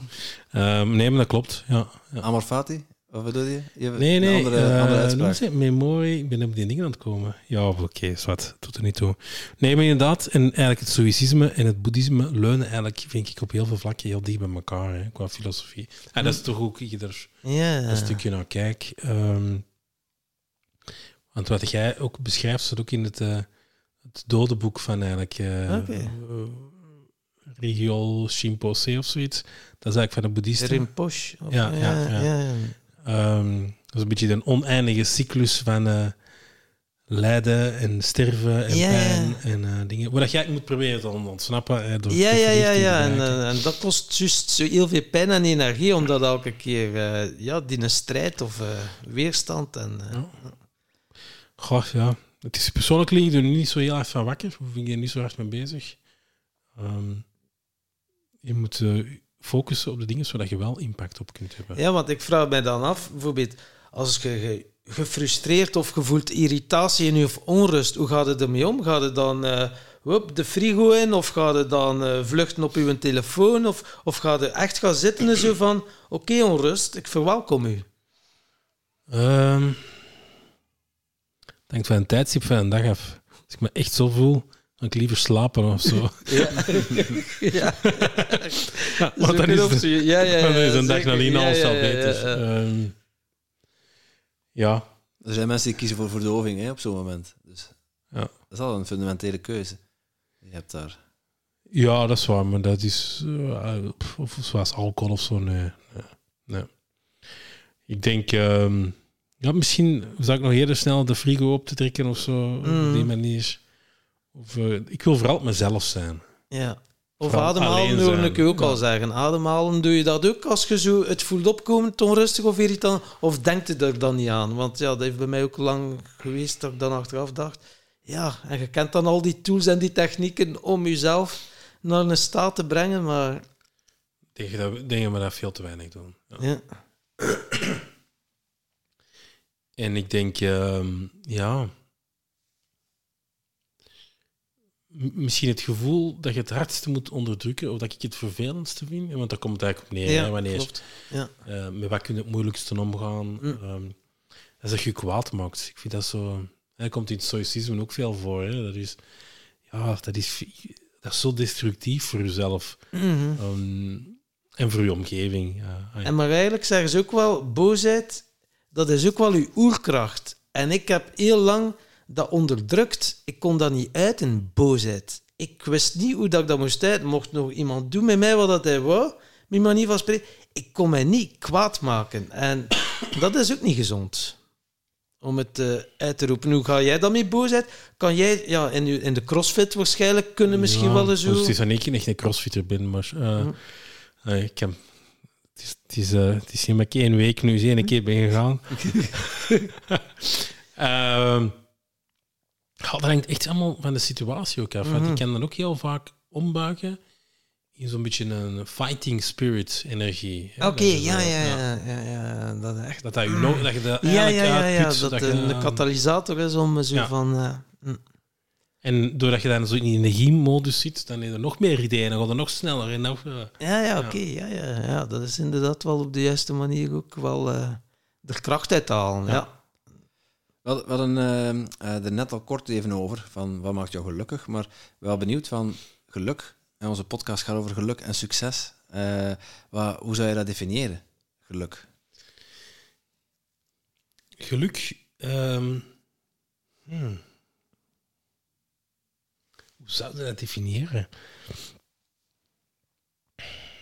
Ik denk, ehm, voor mij is geluk ja, gewoon dat je, de- dat je die stabiliteit ook een stukje voelt. Dat je voelt dat de mensen rondom u ook oké zijn. Hè? De mensen die het dichtst staan bij u. Mm. Je mee samenleeft, dat dat meestal je gezin. Ehm, dat je zegt, dit, dat het met hun ook goed gaat. Daar Mm. dat is een stukje van mijn geluk. Of een stukje, zo dat onmogelijke realiseren. Hè. Dat zijn mijn persoonlijke Ja. eh, dingen. Voor mij die, dat, die, dat is een moment van zorgeloosheid ook. Hè. Dat je zegt van oké, moet mij niet meer eh, wakker liggen van dat je alles gaat kwijtraken of, of, of dat je je rekeningen niet meer kunt betalen. Of, Ja, eh, ja, ja. het comfortabele, zo wat die zekerheid of die Ja. veiligheid. eh. Ja, het, ja, wa- wat je zegt van dat ehm, het gevoel hebben van volledig onafhankelijk te zijn of eh, onbelemmerd van je gedachten. Ja, Dat is wel, eigenlijk, eigenlijk ja. dat. Ja. Eigenlijk inderdaad dat je die... Dat alles stukken in balans is. Weet je? Dat je weet, oké, het gaat goed met de mensen rondom mij. Ik weet waar ik zelf naartoe ga. Ehm, ik heb het gevoel dat je de vrijheid ook hebt en dat je weet wat, het, eh, wat je zelf kunt doen om er naartoe te gaan. Dat je alles onder controle hebt. Dus Ja. En ook zo van, ja, je wil een keer gaan eten, dan zegt, oei, het is het einde van de maand, het gaat niet lukken nu. Dat is zoiets zet van, ja, kan toch mijn leven leiden gelijk dat ik het ik wil. Ja, Ja. weet je. Ja. En eh, geluk. eh, wij zeggen geluk en succes. Heb jij een definitie voor succes voor ons? Voor mij is dat voor iedereen anders. Ehm, Daar kom je ook achter na meer dan 120 eh maar gisteren ik wel veel vroeger moeten laten langskomen. Ja. ja, dat is wel verrassend hoe anders dat, dat is voor iedereen. Voilà. En na- naast dat het anders is, wat, wat, wat, wat betekent het voor jou persoonlijk? Making the impossible possible. Hmm, ja. Mooi. Ja. Dingen laten ontstaan. Dingen creëren, dingen laten ontstaan. Ehm, ik ben ook niet het type founders of, of als ik iets doe of ondernemers dat eeuwig en altijd de full control moet hebben. Ik wil dat liever kunnen creëren en eens dat dat goed loopt, kunnen doorgeven. Ehm, nieuwe dingen kunnen doen. Ehm, mezelf kunnen blijven bijstuderen, bijleren. Mm. Ehm, de vrijheid hebben ook om, om al die dingen te kunnen doen. Maar ik denk voor mij, wat ik het meeste energie uithaal, is echt wel zo die impossible possible Mm. maken. Ja. En ik vind dat op verschillende manieren terug. Hè. Je, als je ergens nieuw gaat werken, kun je dat ook daarin terugvinden. Hè. Als ze zeggen van, nee, je hebt nu een doelstelling die heel zwaar is, ja, hoe kun je dat nu realiseren? Hè? Dat je niet altijd denkt van, oh nee, dat kan niet. Ik kan dat niet. Dat gaat niet. Nee, denk eens na, we hebben nu wel nodig om daar te geraken. Mhm. En we hebben het hier over realistische dingen. Hè? Niet van, eh, Ja, leren vliegen, met vleugels zelf gemaakt. Dat is iets anders. Hè? Ehm, maar er zijn heel veel realistische dingen die je kunt behalen, maar waar mensen zichzelf altijd moeten tegenhouden. Ja, vanaf dat je zegt dat kan niet, of dat je nu zegt het kan niet of het kan, nou- of het kan wel, je hebt altijd, Altijd gelijk. Ja, dat zeg ik dat tegen heel veel mensen. Ja, dat, klopt inderdaad. Een mooie. Of ik ga dat proberen. Ja. Ja, dat gaat ook niet. Want hoe kunnen nu iets proberen? Ja, ja, klopt. Ja, dat was, of eh, je doet het niet. Ja. ja. dat was bij Karel van der Velde. Die zei, zei ook zo'n vrouw zo... Ah ja, ik ga proberen dat. Zegt hij... Allee, probeer een keer mijn vinger te pakken. En ze pakte elke keer die een vinger. Ah ja, nee, voilà. ik heb gezegd, probeer mijn vinger te pakken. Dat, dat, ja, er zit zoveel eh, wijsheid in uiteindelijk. Hè? probeer ik mijn kinderen ook altijd. eh. dat is, dit, dit zijn allemaal dingen die ik tegen mijn kinderen zeg. Ja, Ja, ja, ja. Ja, de kracht van woorden, hè, hoe dat dat toch... Beter uitproberen. Hè. Ja, gewoon Ja. doen. Ja. Ja, gewoon doen. Inderdaad. En eh, wat had jij ook nog een keer mogen doen? dat is eh, een vraag bedenken voor onze volgende gast. Wie is de volgende gast? Geen idee. Eh, Wel, ja, het kan nog iemand tussenkomen. En eh, we hebben dus al gehad dat we zeiden van, dat is de gast. En eh, ja, dan uiteindelijk eh, bellen ze af of zo, of kwam er nog iemand tussen. En daarmee hadden we zoiets van, ja, dan gaan we dat...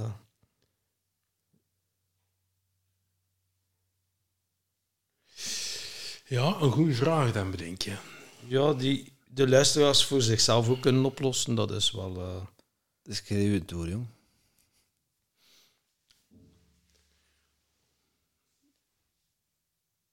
Ja, misschien. ehm, wat is de grootste struggle op professioneel. Nee, hij mag, hij mag kiezen op elk vlak. Wat is de grootste struggle dat hem eh, al is tegengekomen in de laatste tien jaar? En hoe heeft hij dat opgelost? Of hij of zij Ah, Ja, oké. heeft hij dat opgelost? Ik altijd wel een leuke. Ja. Wij ook. We zijn Ja. benieuwd naar het antwoord. Ja, ik ook. Ja? Als je terugkijkt op je eigen laatste tien jaar. wat- Ah, nee. Ja, de vraag stellen is een beantwoorden, Maarten. is een boomerang. hè? Ah, het is een boomerang. It's all a boomerang. Ehm, ja, ik kan er eigenlijk wel een antwoord op geven. Eh, ja, ik denk de laatste tien jaar. Ja, Oké, dan zijn mijn kinderen bij mij komen wonen. Ja, de laatste tien jaar. Ik denk, eh, dat is, zal acht jaar geleden zijn of zo, of negen jaar geleden. Zijn op een gegeven moment mijn kinderen, eh, mijn oudste kinderen, bij mij fulltime komen wonen.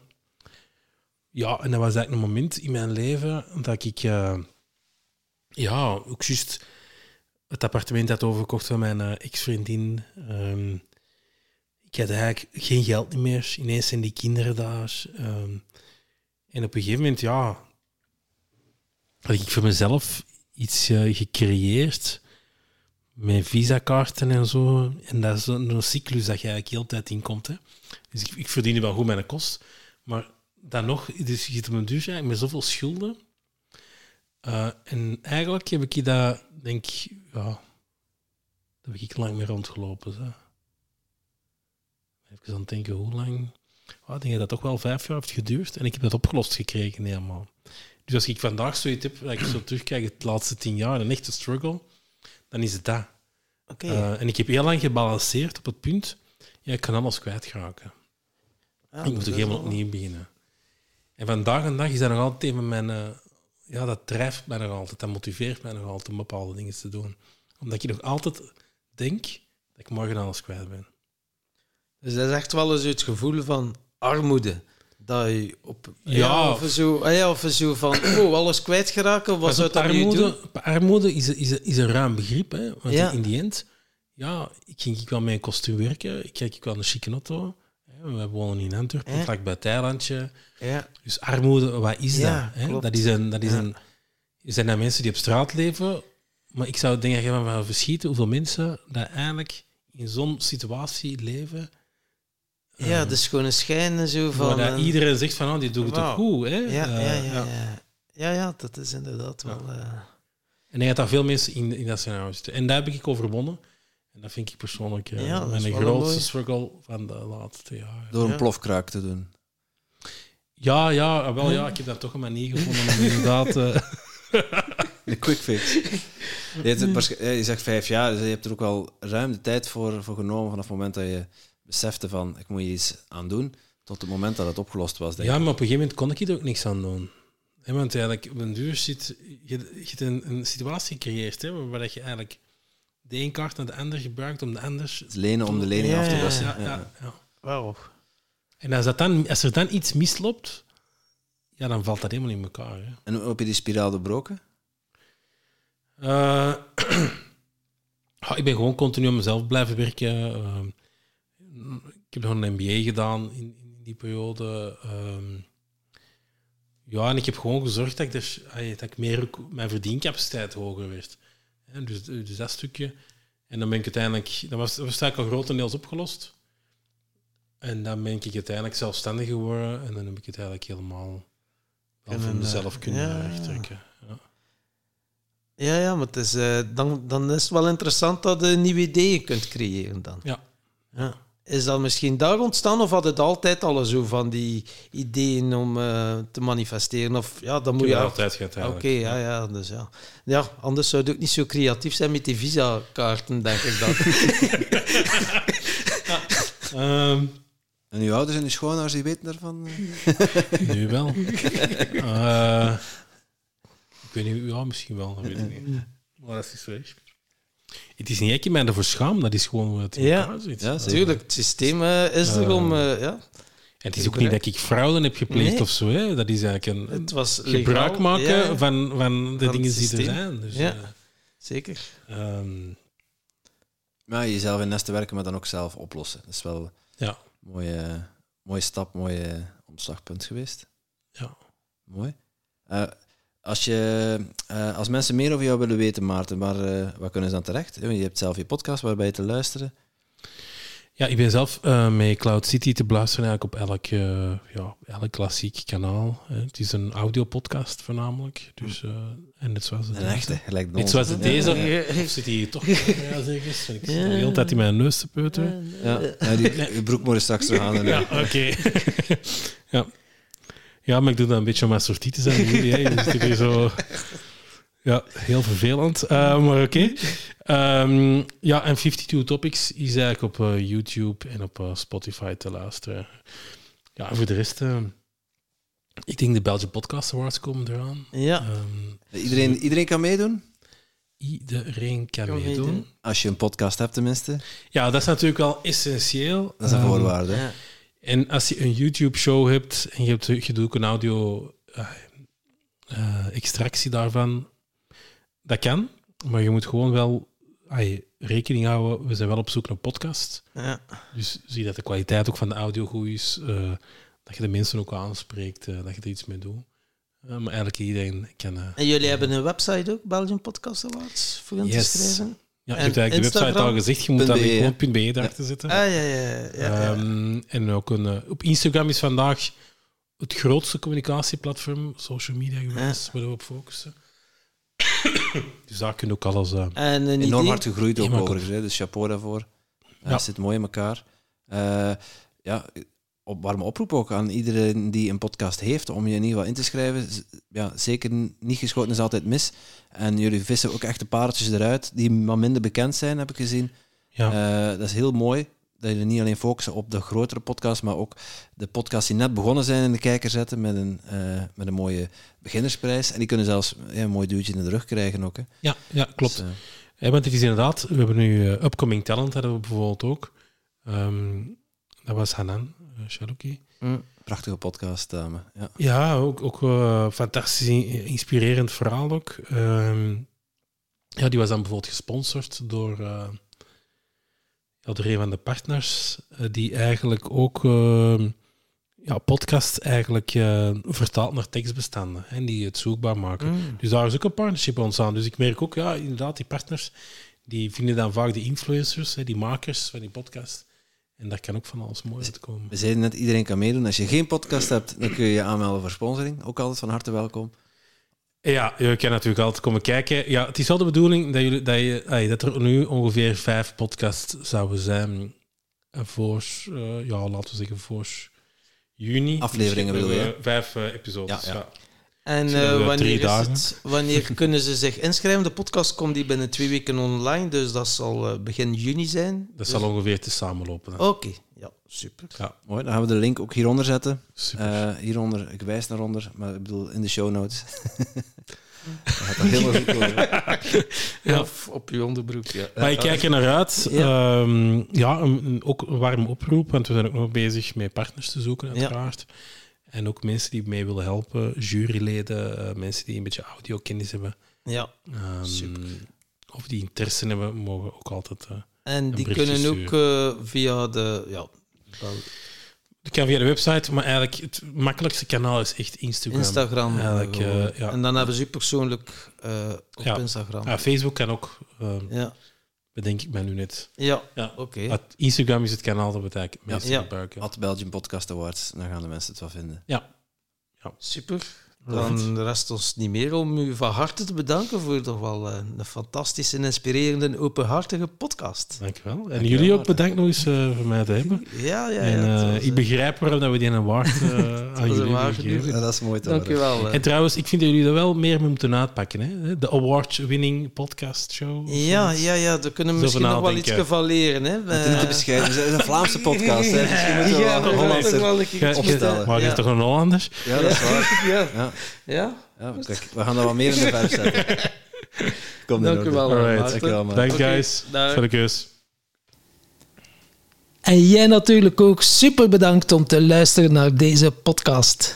Voel jij je geïnspireerd? Je zou ons een enorm plezier doen door ons 5 sterren te geven of een review achter te laten in jouw favoriete podcast-app. En wil je geen enkel inspiratiemoment missen? Abonneer je dan op onze podcast of volg ons op social media at Tim Tom Podcast. Oké, dan moet je ook terug aan de Tom. Hè?